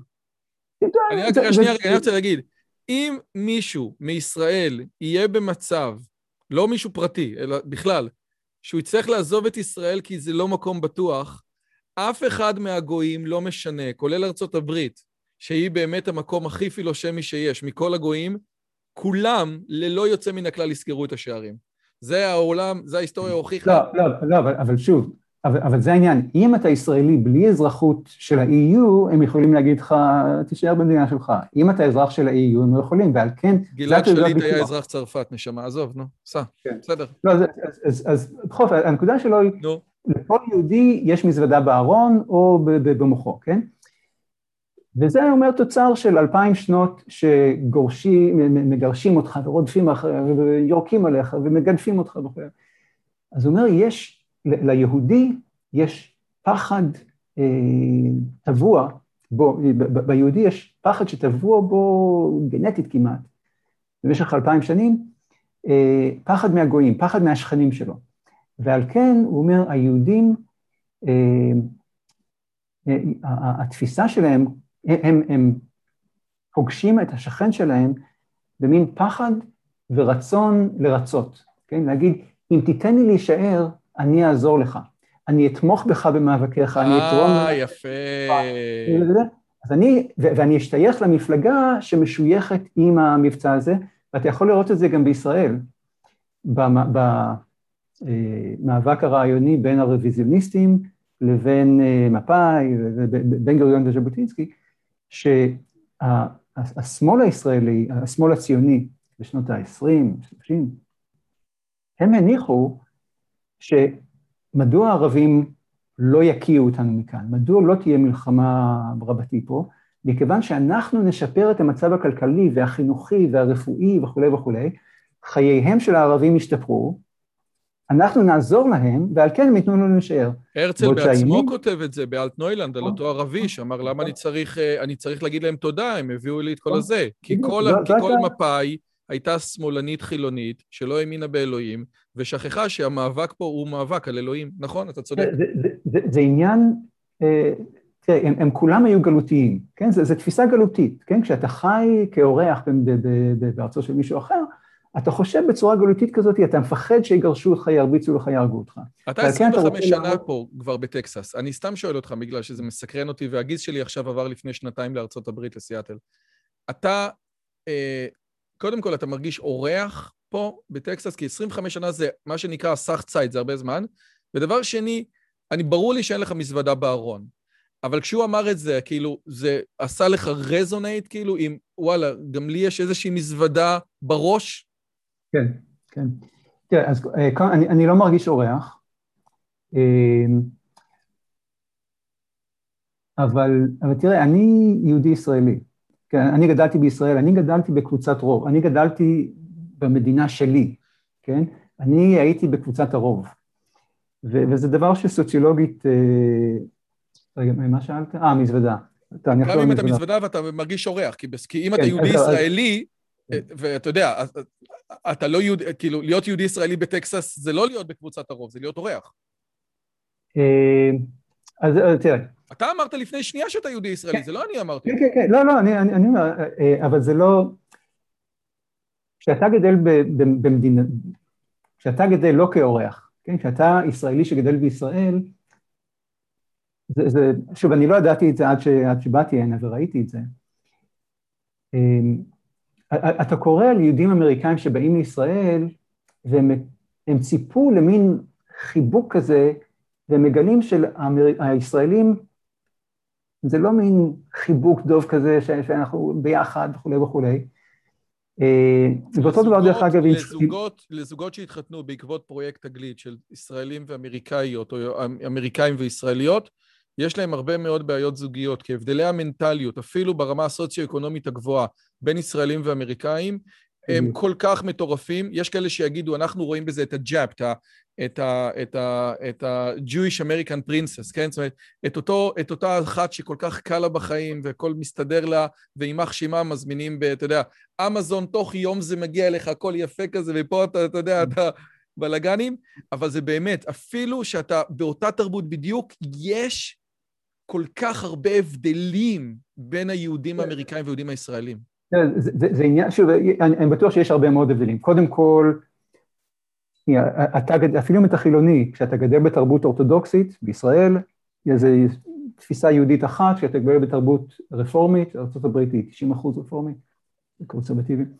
אמ, תרבות, כל מיני, אז יש כל מיני הבדלים, אבל העניין הזה של קבוצת רוב וקבוצת מיעוט, אה, מה שצורם ביחס, בשביל, אמריק, בשביל ישראלים שבאים לכאן ופוגשים יהודים אמריקאים, לא צורם, אבל לא תואם, כן? יהודים ישראלים שבאים לאמריקה אה, לא מתקשרים היטב, או יש, יש מין איזשהו נתק כזה תרבותי עם יהודים אמריקאים, אה, ואותו דבר עם יהודים אמריקאים שבאים מישראל, מכיוון שיהודים אמריקאים הם קבוצת מיעוט, ויש להם את כל התסבוכות של קבוצות מיעוט, מין הזהות שלי, ומה אנשים חושבים עליי וכולי וכולי, שלישראלים זה מתיש, זה לא מעניין אותם כי הם לא חווים את זה, כן? לדוגמה אתה, כן? אם מחר אה, יהיה בחדשות שיאנקל לייבוביץ' אנס איזושהי בחורה בתל אביב, כן? אתה לא תחשוב, אוי ויי, מה יחשבו על יהודים מחר? מה יחשבו עליי כיהודי? יש כאלה שזאת הסיבה שאומרים שפרשת פולארד הייתה הפרשה הכי הכי בעייתית ליהודי ארצות הברית, בדיוק מהסיבה הזאת, כי היא כאילו העלתה את הרעיון הזה של הגיס החמישי, שהנה, כן. יש פה יהודי, והיא נכון. תמיד השאלה, אז במי תהיה ישראל או ארצות הברית? ואז נכון. אצל פולארד פעם ראשונה, השאלה כן. הזאת באה לידי משהו אפקטיבי, כן. למרות שהוא היה בסדר והוא לא פגע בארצות הברית, וכל בית המשפט היה שם מנוול וכו' וכו' וכו', אבל זאת בדיוק הייתה הנקודה שהיהודים אמרו, הנה, עכשיו יגידו עלינו ככה וככה. מה יחשבו? זה גם היה עם אה, ברני מיידוף. נכון. אוי ויי, הוא היה חייב להיות יהודי, מה יחשבו עליי, כן? ואתה יודע, אה, קבוצות מיעוטים חושבות ככה, כי אתה יודע, הם, הם, הם חוש... הקללה של להיות קבוצת מיעוט, זה שאתה צריך לחשוב מה הרוב חושב עליי, כן?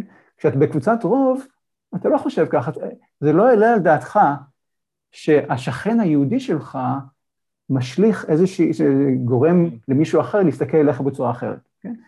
אז אני חושב שאני, במקרה, מכיוון שבאתי עם, עם סנסיביליטי של קבוצת רוב, זה לא מדבר אליי וזה לא... אז, אז אני לא מרגיש ככה, ובנוסף לזה, הקסם של ארה"ב הוא שאתה יכול לבוא מתאילנד, מישראל, מצרפת וממקסיקו, ולהיות אמריקאי ברמ"ח ושס"ה, אם תאמץ את, ה... את האורתודוקסיה האמריקאית, את תפיסת האמון, זה, זה, זה כמו uh, religious conversion, כמו המרת דת, כן? אז תראה, יהודי, כן? אתה יכול להיות, להיוולד אה, קתולי בזימבבואה. אתה מתגייר, אתה יהודי לכל דבר, ואתה מרגיש יהודי? ככה זה, זה, זה, זה הקסם של החברה האמריקאית לגבי הגירה. אגב, אז... אתה, אתה חוץ, האורתודוקסיה האמריקאית, חוץ מלהאמין בכסף, להיות בן אדם ישר בסופו של דבר, לאכול עם ולאכול צ'יזבורגר, מה, מה יש במהות של האורתודוקסיה הזאת? כי הרבה מאוד אנשים אומרים, בסופו של דבר, בפילוסופיה, כמו ששאלתי את uh, זה, את אנסון, יש כאלה שרואים ברום, בארצות הברית את רומא לעומת יוון. היא לא העמידה פילוסופים מתוכה. אין פילוסוף אמריקאי, והפילוסוף החשוב ביותר, ויטגינשטיין, קיבל את ההכשרה שלו באוסטריה. אז, אז מה באמת הנקודה, או השתי נקודות המרכזיות של האורתודוקסיה האמריקאית שמעבר לכסף ולצ'יזבורגר? תראה, כמובן זה עניין, זה, זה עניין של ימין ושמאל, אבל אה, לדעתי, אני מדבר לא על הפוליטיקה של עצמי, אלא כהיסטוריון של ארה"ב, האתוס האמריקאי, שוב, האורתודוקסיה האמריקאית, היא אה, ממשל עצמי, כן, ממשלה קטנה, ממשל, ממשל עצמי מקומי, כן? לא, לא שכולנו בארצות הברית מושלים על עצמנו כמו, כמו שהציבור בישראל מושלים על עצמנו. זה האינדיבידואל, נכון? אותו האינדיבידואל, או שבא ותעבוד קשה ובסוף תצליח בעוד דור, כן? זה, כן, זה, זה, זה גם, כן, זה, זה לא כל כך אינדיבידואל, זה יותר הקהילה, כן? הקהילה המקומית מושלת בעצמה, ואתה אל תכתיב לי, אל תכתיב לנו, סליחה. אמ, אז זה דבר אחד, ו... אבל זה גם כן, זה לא, זה, זה יותר עיקרון ארגוני. נראה לי שהפילוסופיה, התפיסה הפילוסופית, או הדתית, שמאחורי כל זה, שמה, מה מסביר את, ה, work ethic ואת הממשל המקומי ואת הפחד מהממשלה וכולי וכולי, זה לאמריקאים, שוב, האמריקאים של המאה ה-18, כן, האתוס האמריקאי המקורי, האנגלי המקורי, הוא אה, תפיסה מאוד מאוד מאוד שלילית בנוגע לטבע האדם. כן, הנחת היסוד של האמריקאים היא, הייתה שטבע האדם רע מנעוריו, ועל כן אני פוחד לתת לך כוח וסמכות עליי. אה, אני לא יודע כמה אתה, לא, כמה אתה אוהב את ברייטברט, כן? אבל הוא בדיוק אומר את זה, שהאבות המייסדים לא פחדו ולכן אה, מאוד מאוד היו סקפטיים לגבי טבע האדם, ולכן החוקה מתעסקת לא במה לעשות, אלא באיך לעשות ואיך בעצם, אה, אה, אה, ל, ובעצם להגביל את כוחו של המשטר. זאת, זה עיקרה של החוקה. הייתי אומר, לא איך לעשות, אלא איך למנוע. כן, איך כן, למנוע. מכיוון, ש, מכיוון שאתה בטוח, כן, מה שאני כותב בספר שלי על המהפכה, היא שה, שהאתוס הוא that people with power will abuse it. כן, זה לא, ועל כן, מכיוון שאתה יודע, וזה שוב, זה מין קוורק של האנגלים, האנגלים חשבו ככה, כן, אחרים לא. אה, מכיוון שאתה יודע שאנשים עם כוח uh, will abuse it, uh, אז הפתרון, הפתרון הוא לא למצוא איש טוב, כן? כי גם איש טוב, הכוח ישחית אותו. כן? אז הפתרון הוא לא למצוא אנשים טובים בשביל הממשלה, אלא להגביל את כוחו של השליט, או להגביל את, את הסמכויות של השליט, כדי שהשחיתות, ה-abuse, כלומר, אי אפשר להימנע מזה, אבל I'd, I'd rather be abused by my mayor, על ידי ראש העיר שלי, מאשר על ידי הנשיא שלי. כי ראש העיר אין לו הרבה כוח. ואם אני לא אוהב את העיר הזאת, אני יכול לעבור לעיר אחרת. אבל אם אני נותן הרבה כוח לנשיא, או למושל, ועל כן, אז, אז בכל אופן, זאת ה, העניין הוא שהתפיסה האמריקאית המסורתית היא, הייתי אומר, לא כמו שברייטפארט אומר, סקפטיות לגבי טבע האדם, אלא להפך, ביטחון. שהוא, כן, כן, כן, אז לא, ברייטפארט, כן. אתה סתם, סתם חידה, סתם, אתה, אתה לא חייב לדעת את זה. מי אמר לעזאזל עם החוקה שהציבור צריך פחם? The hell with the constitution when the people want coal. טדי רוזוולד. אז הוא מדבר גם על טדי רוזוולד וגם על זה, ובעצם מה שהוא אומר, ברייטברט, הוא הולך על ה Frankfurt School, והוא אומר, שתדעו לכם, שמווילסון, אה, דרך רוזוולט, ובוודאי אחרי זה משטר ג'נסון, אנחנו הולכים ומתרחקים, כל השמאל הולך ומתרחק מהערכים של החוקה. אומר, מה אכפת לי החוקה? עזוב אותי, אני יודע מה צריך לעשות, ובעצם המפלגה, כל השמאל, מי הוא, ועוד פעם, רוזוולט לעזאזל עם החוקה, זה דברים שאנחנו לא, לא, לא מכירים, כן? הוא אומר, זה הולך עד למשטר ג'נסון, ואחרי זה דרך ה Frankfurt School וכו', אבל זה מעניין כן. מאוד. המפלגה הדמוקרטית בארצות הברית, לפי ברייטברט, ועוד פעם, הציטוטים שלו הם ברורים מאוד, היא נגד האתוס האמריקאי. וזאת הסיבה שקשה מאוד כן. לראות משהו שמצליח שם. יש לך עוד כן, זמן לשאלה אחת? כן, אבל אה, אה, נקודה אחת בנושא הזה, לגבי, שאלת על פילוסופים. אז תראה, האמריקאים, היסטורית, ואני מניח שעדיין, יכול להיות שאין להם פילוסופים אה, אקדמיים, אבל יש להם תפיסה פילוסופית מאוד self-consciously philosophic, philosophical, לגבי טבע האדם. כן, ו... פר... הפרגמטיזם הגיע, בא, נולד באמריקה. זהו, אבל, אבל ש, שה... התפיס... זו, זו תפיסה רעיונית לגבי מהו בן אדם, והפרגמטיות היא שהם לוקחים רעיון פילוסופי ומקישים ממנו, כן, מכיוון שאנחנו מאמינים שטבע האדם דרק, אז אנחנו צריכים שיטת ממשל כזאת ומהלכים, אה, אה, פרוצדורות כאלה בבתי המשפט שלנו וכו' וכו', אז אני חושב שהתפיסה שהם לא פילוסופיים היא לא נכונה, מכיוון שהם הם חי, הם, הם מתרגמים תפיסה פילוסופית לחיי יומיום בצורה לא, שאולי... לא, זה בסדר, הם פשוט, הם לא, פשוט לא, לא העמידו מתוכם אף פילוסוף אחד ראוי כן. לשמוע במאה, ב, ב, בכל שנות קיומם, כן? והפילוסוף הגדול ביותר שלהם, שנחשב אמריקאי, וויטגנשטיין, לא התחנך כן. בארצות הברית, אני חושב שזאת אמירה שהיא נכונה. כן, אה, והייתי אומר שיכול להיות שהעניין הוא שההנחה הזאת היא לגבי טבע האדם, שממנו מקישים לגבי שיטה פוליטית וכולי וכולי, היא בבסיסה לא פילוסופ... עמדה לא פילוסופית, אלא דתית. נכון. כן? וזה אגב ש... היה הבעיה של המהפכה הצרפתית, שבעצם אמרה שטבע האדם טוב, ורוסו, כן, המהפכה שבאה על רוסו, האדם נולד חופשי וכל ימיו כבול באזיקים, ובגלל שהם הלכו על הכיוון הזה, באמת מה שקרה. אתה, אבל אתה מסכים, הרי יש הרי 700 אלף ציטוטים לזה שהמפלגה הדמוקרטית, אמרתי, מווילסון ורוזוולט, אתה מסכים שבאמת חלק מהתפיסות הדמוקרטיות הקיצוניות היום שאנחנו רואים, בוודאי AOC היא, היא, היא סתם... AOC זה כיף לצטט אותה, אבל, אבל היא מייצגת לא מעט אנשים מטורפים במפלגה הדמוקרטית. אתה מסכים שהמפלגה הזאת מתרחקת מהערכים האמריקאים כפי שאתה מציג אותם? כן, כן. תראה, וזה שוב, זה עניין פילוסופי, כי אה, אם, אם, אם בבסיס השיטה האמריקאית, או החשיבה האמריקאית, היא ההנח, הביטחון שטבע האדם הוא דרק, ולכן צריך לפחד מבני אדם ולהגביל אותם, התפיסה של, של השמאל האירופאי, האמריקאי, הישראלי, היא שטבע האדם טוב, ועל כן צריך למצוא אנשים טובים ולשים אותם במקומות מפתח, והם ייצרו, אה, הם, הם ייטיבו עם כולנו. ו, ו, ויש כאן עניין, ש, אז השאלה היא מדוע באמת אה, הציבור, אתה אמרתי, אמרת, ההנחה שלי, או הדעה שלי, היא ש, שהתפיסה הזאת היא ייחודית אנגלית. כן? אה, ושוב, אני, אני לא יכול להוכיח את זה, כי אני לא חושב שאפשר להוכיח את זה, אבל אני חושב שזה קשור שוב למה שהתחלנו, עם העובדה שהתרבות האנגלית הייתה תרבות של הברית הישנה.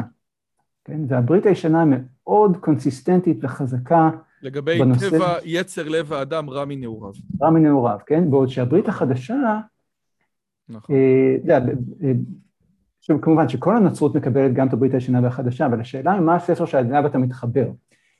בגרמניה, צרפת, תרבויות לא אנגליות בנצרות, הן יותר חזקות בברית החדשה, שהיא הרבה יותר אופטימיסטית לגבי היכולת של הנפש להתחדש. להיות טובה, ישו היה טוב מזה. נכון, נכון.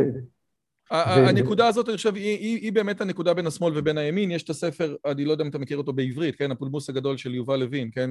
בין, אדמונד ברק ובין תומאס פיין, שבאמת בין היתר מדבר על הסיפור הזה.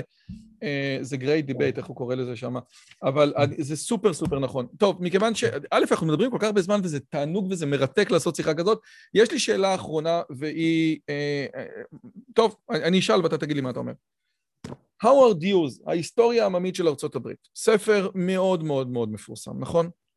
Uh, זה ספר שאתה יודע, היה אותו ב-25 שקל, אמרתי, טוב, יש פה הרבה דפים, אני אקנה, אני כאילו אדפוק את המערכת, אני אעקוץ את המערכת. התחלתי לקרוא את הספר הזה, והרגשתי לא בנוח. בעצם הספר הזה, מה שהוא עושה, הוא כמו, אולי תתקן אותי עוד רגע, אבל זה כמו ההיסטוריונים החדשים, כן? לוקח את כל הדברים הגדולים שהאומה האמריקאית עשתה, ואומר, תראה, הם שחטו באינדיאנים ועשו דברים נוראים, ויש לו גם תיאורים מאוד פלסטיים ומאוד איומים ונוראים לגבי איך זה שההיסטוריה של ארצות הברית דרך העם, דרך אותם אנשים פשוטים, היא שונה לגמרי ממה שאנחנו ראינו. זה לא חופש וזה לא בלאגנים וזה לא שחרור וזה לא כל מיני דברים כאלה. העבדים, האינדיאנים, המקסיקנים, המהגרים, אותם יהודים שהיו שם באי הדמעות, כן, וכו' וכו' וכו', כן, באמת דברים איומים ונוראים. הוא, הוא באמת מתאר את זה, כאילו לוקח את אותו בלון גדול שנקרא ארה"ב, הפרויקט המרשים ביותר של האנושות, ו, ובעצם מפוצץ אותו. וזה קשה מאוד לקרוא את הספר הזה. כאילו, אם יש לך נטיות מערביות, אמריקאיות, אם אתה חושב שארצות הברית זה אחד הדברים הגדולים ביותר שאי פעם בן אדם עשה, ש, ש, ש, שבארצות הברית, כמו שאומרים שהצבע היחידי שרואים זה ירוק, כמובן לא אצל הדמוקרטים. אה, אז הספר הזה הוא קשה לקריאה. אתה מסכים עד עכשיו עם מה שאני אומר? קשה לקריאה? כן, הוא לא נעים, הוא לא נעים.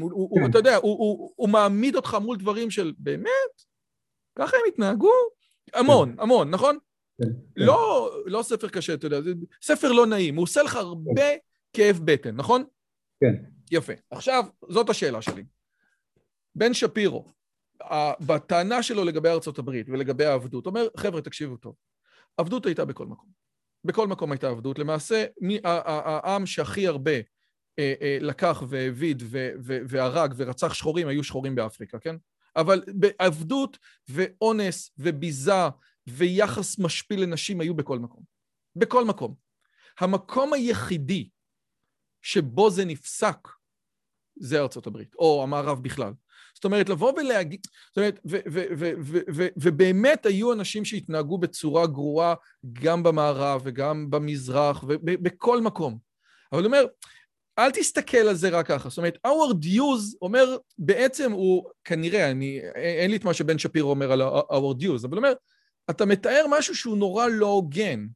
כי בין, כי תוך כדי שאתה מתאר מה שקרה במושבות האמריקאיות, אתה לא אומר, נשמה, זה קרה בכל העולם.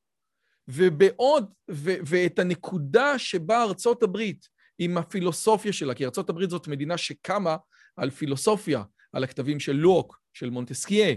זאת אומרת, זו מדינה שקמה מתוך רעיונות, זה רעיון שחי, רעיון חי. את זה אתה פחות שם לב.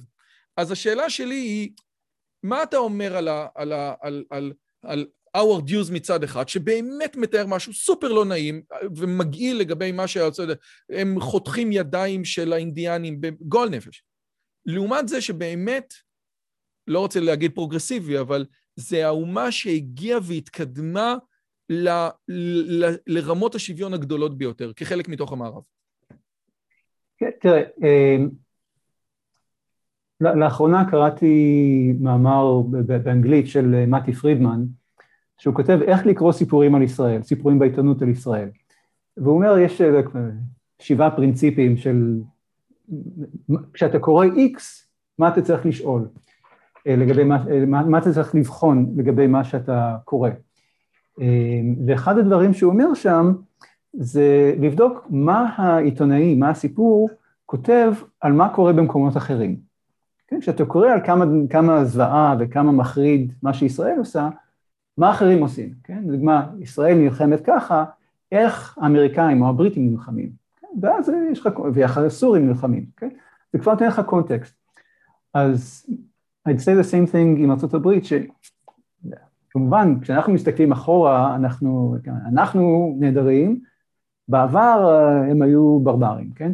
השאלה היא, ארצות הברית בשנות ה-60, ב-1860, ב-1760, ב-1660, בהשוואה למקומות אחרים. באירופה, בדרום אמריקה, באסיה וזה, ולדעתי, שוב, אני לא, לא, לא יכול להגיד על כל הדברים, כן, אבל ברוב הדברים שאנחנו, שאנחנו היום מחשיבים, כן, זכויות לנשים, זכויות למיעוטים, חירות דתית, אה, לא משנה, כל, כל, כל הדברים ה... מה שאנחנו היום קוראים להם הטובים, כן? הטובים, נשמה, אנחנו לא, תפסיק, יש דברים טובים ויש דברים רעים, הדברים לא. הטובים, כן, כי האדם נברא בצלם אלוהים, יש דברים טובים, ומי שמתייחס לבן אדם בצורה רע הוא בן אדם לא טוב. אז כל הדברים האלה, לפי כל המדדים האלה, ארצות הברית, או הקולוניות האמריקאית בזמנן, היו במצב יותר, מה שאני ואתה היינו קוראים מתקדמים, כן, הם יותר קרובים אלינו מאשר מקומות אחרים באירופה או, או, או, או בעולם. זכויות נשים, אה, חירות דתית, אה, אלימות וכדומה וכדומה וכדומה. אז, אז אני חושב שכשאתה שם את הדבר, כשאתה, מה שאמרתי קודם על היסטוריונים אמריקאים שרואים את המהפכה האמריקאית, לעומת היסטוריונים אימפריאליים שרואים את כל האימפריה הבריטית, אותו דבר כאן, היוז התעסק באמריקה, אז הוא רואה את הזוועות של אמריקה והוא לא יכול לשים אותן בקונטקסט של זוועות בכל, בכל מקומות, אה, המקומות האחרים. לדוגמה, העבדות, כמו שאתה אומר, בכל מקום הייתה עבדות. באמריקה הייתה עבדות לפני, לפני, לפני שהאנגלים באו ואחרי שהאנגלים באו, בכל העולם היה כנ"ל. אה, הראשונים בכל העולם, בכל ההיסטוריה האנושית, as far as I know, המקום היחיד, הראשון שבו האדונים ביטלו את העבדות באופן וולונטרי, היו הקולוניות, המדינות הצפוניות בארצות הברית, מיד אחרי... יותר מזה, אם אני יודע, גם, גם כשהיה עבדות, אסור היה לך לקחת רכוש של העבד. זאת אומרת, זה היה משהו, הקטע של הרכוש שם, או זה, אם היא עבד, היה איזה עניין כזה, שאני, אני, אין לי את הרפרנס, שהזכות לקניין אצל האמריקאים הייתה כל כך מטורפת, שהיא הגיעה אפילו עד לעבד. כאילו, שגם אם לעבד יש משהו, אז אי אפשר סתם לקחת אותו. זאת אומרת, הזכות לקניין, אבל עוד פעם, אבל אין לי רפרנס. זה אני חושב שלא, אבל אני פשוט לא מכיר את זה, אני... אבל אז אני הולך עם מה שאתה אומר. אבל לא, אני לא יודע. מה שאני יכול להגיד לך, כשה... במקרה אשתי ממוצא יפני, קנדית, כשהמשפחה שלה במלחמת העולם השנייה, כששמו אותם במחנות אה, ריכוז כאלה, בקנדה, אה, העבירו אותם בכוח והכריחו אותם להישאר שם במהלך המלחמה, ולקחו להם את הרכוש. בארצות הברית עשו את אותו דבר, אבל לא לוקחים את הרכוש, כי רכוש זה עניין חוקי. כן. ברגע שאתה מאשר לממשל המרכזי לקחת את הרכוש של היפני הזה, אז הוא גם ייקח את שלך. שהם גם ייקחו לי, ושוב, טבע האדם רע מנעוריו, אז אפילו שהם פחדו מה, מהיפנים האלה, הם פחדו עוד יותר לתת לרוזוולט כוח לקחת רכוש, כי זה כבר מסוכן. יפה. תקשיב, גיא, קודם כל, תודה רבה על הזמן שלך. זה היה... תודה רבה, אני, אני שוב, מאוד, תמיד מאוד נהנה מהפודקאסטים שלך, ומאוד... יואו, זה היה כיף בלתי רגיל. אז אם אתה כבר נשאר, אתה יכול לתת המלצה למי שרוצה ללמוד את הנושא הזה, אז המלצה אחת בעברית ואחת באנגלית, אוקיי? אז, אז מי שרוצה לדעת יותר על הנושאים שדיברנו עליהם דרך הסיפור הזה, על המהפכה, על, ה, על ה, ה, זה שאנחנו אנגלים, או ספר שאתה ממליץ לקורא הישראלי הסקרן, אם אתה רוצה אחד בעברית, אחד באנגלית. אה, תראה, אה, הספר שלי על המהפכה הוא ספר באנגלית, וזה הנושא שעליו הנושאים האלה של אמריקניזציה לעומת אנגליסיזציה, אה, אבל זה באנגלית. בעברית אני לא כל כך מכיר, אבל אני יכול להניח שיש היסטוריון אה, אמריקאי, כן, מאבות האומה אה, של ההיסטוריוגרפיה האמריקאית בשם ג'ק גרין. אז אני מניח שהספרים שלו, בניגוד לספר שלי, כן תורגמו לעברית. זה ספר, הספר שאני הכי אוהב, שהוא מאוד נגיש אה, לא צריך להיות אה, היסטוריון מדופלם כדי להבין, בשם Peripheries and Center. וזה מדבר שוב על, ה, על, על שיטת, על, על המבנה והתרבות, והתרבות החוקתית של האימפריה הבריטית, שהמוקד שלה הייתה בפריפריות ולא במרכז. כן, קוראים לזה Peripheries and Center, שה-Peripheries הובילו. ואתה רואה, בכל אופן, אז, אז אני מניח שהספר שלו תורגם לעברית, אז... אה, וואו, תקשיב, זה היה תענוג. אה, מתי אתה חוזר אלינו? מתי אתה חוזר לישראל? כשהילדים יסיימו קולג'? אה, זה, אני מניח, אני, אני באתי ועשיתי את ביתי כאן. לא, לא, לא, לא באתי במטרה, אני חייב לציין, באתי באמת פשוט כדי uh, ללמוד פה, uh, ואז uh, פגשתי בחורה. הנה, זה הבעיות, זה הבעיות. בחורות, כן, זה בעיה. כן. רגע, אז יש לך אוקיי. ילדים, כאילו, יש לך משפחה פה בעצם, נכון? המשפחה שלי כולה בישראל. יש לי אחות אחת ש... לא, אבל יש לך ילדים פה? אתה... לא, אין ילדים, אין ילדים. נישואים מאוחרים. אה, טוב. תקשיב, זה היה באמת מרתק, מרתק ונפלא, וידעתי, ועכשיו אני יודע גם שחוק הטייזר רק עשה להם אה, פינוקים של המס. נכון. תודה רבה רבה רבה. אם יהיו שאלות מעניינות לגבי אה, מה שדיברנו ב, אה, ביוטיוב, אז אה, אני אשמח אם, אתה יודע, אם יש משהו שהוא באמת מהותי ותוכל לענות עליו יותר טוב ממני, אני אשמח. גיא, זה היה כבוד גדול. תודה רבה רבה רבה על הזמן שלך. תודה רבה לך, באמת אה, היה לי לכבוד. יאללה, ביי ביי, תודה. אם הגעתם עד לכאן, מגיע לכם כל הכבוד. אז תנו לי להגיד לכם שלושה דברים קצרים. הדבר הראשון, אם שמעתם משהו בשיחה שמעניין אתכם, שאתם רוצים לקחת הלאה, פשוט ספרו אותו לאנשים אחרים. משהו מעניין שאני אמרתי, משהו מעניין שהאורח שלי אמר, איזשהו רעיון שאתם רוצים לקחת איתכם לחיים, פשוט ספרו אותו לחבר או לחברה. זאת הדרך הטובה ביותר לזכור את הרעיונות מתוך השיחות האלה. הדבר השני, אם אתם רוצים לקחת חלק בקהילה שלנו ולפגוש ולדבר עם אנשים כמוכם, אתם מוזמנים לערוץ הטלגרם שלנו, שווה לכם מאוד. פשוט תראו עוד אנשים שמתעניינים מדברים מגניבים בדיוק כמוכם. והדבר האחרון, אם אתם יכולים, דרגו את הערוץ שלנו באפליקציית הפודקאסטים שלכם, זה יכול להיות בספוטיפיי, באפל פודקאסט או בגוגל פודקאסט, זה תהליך קצר של שתי שניות, הוא מאוד מאוד יעזור לנו להפיץ את הבשורה הלאה. שיהיה לכם כיף גדול וכיף בשיחה הבאה.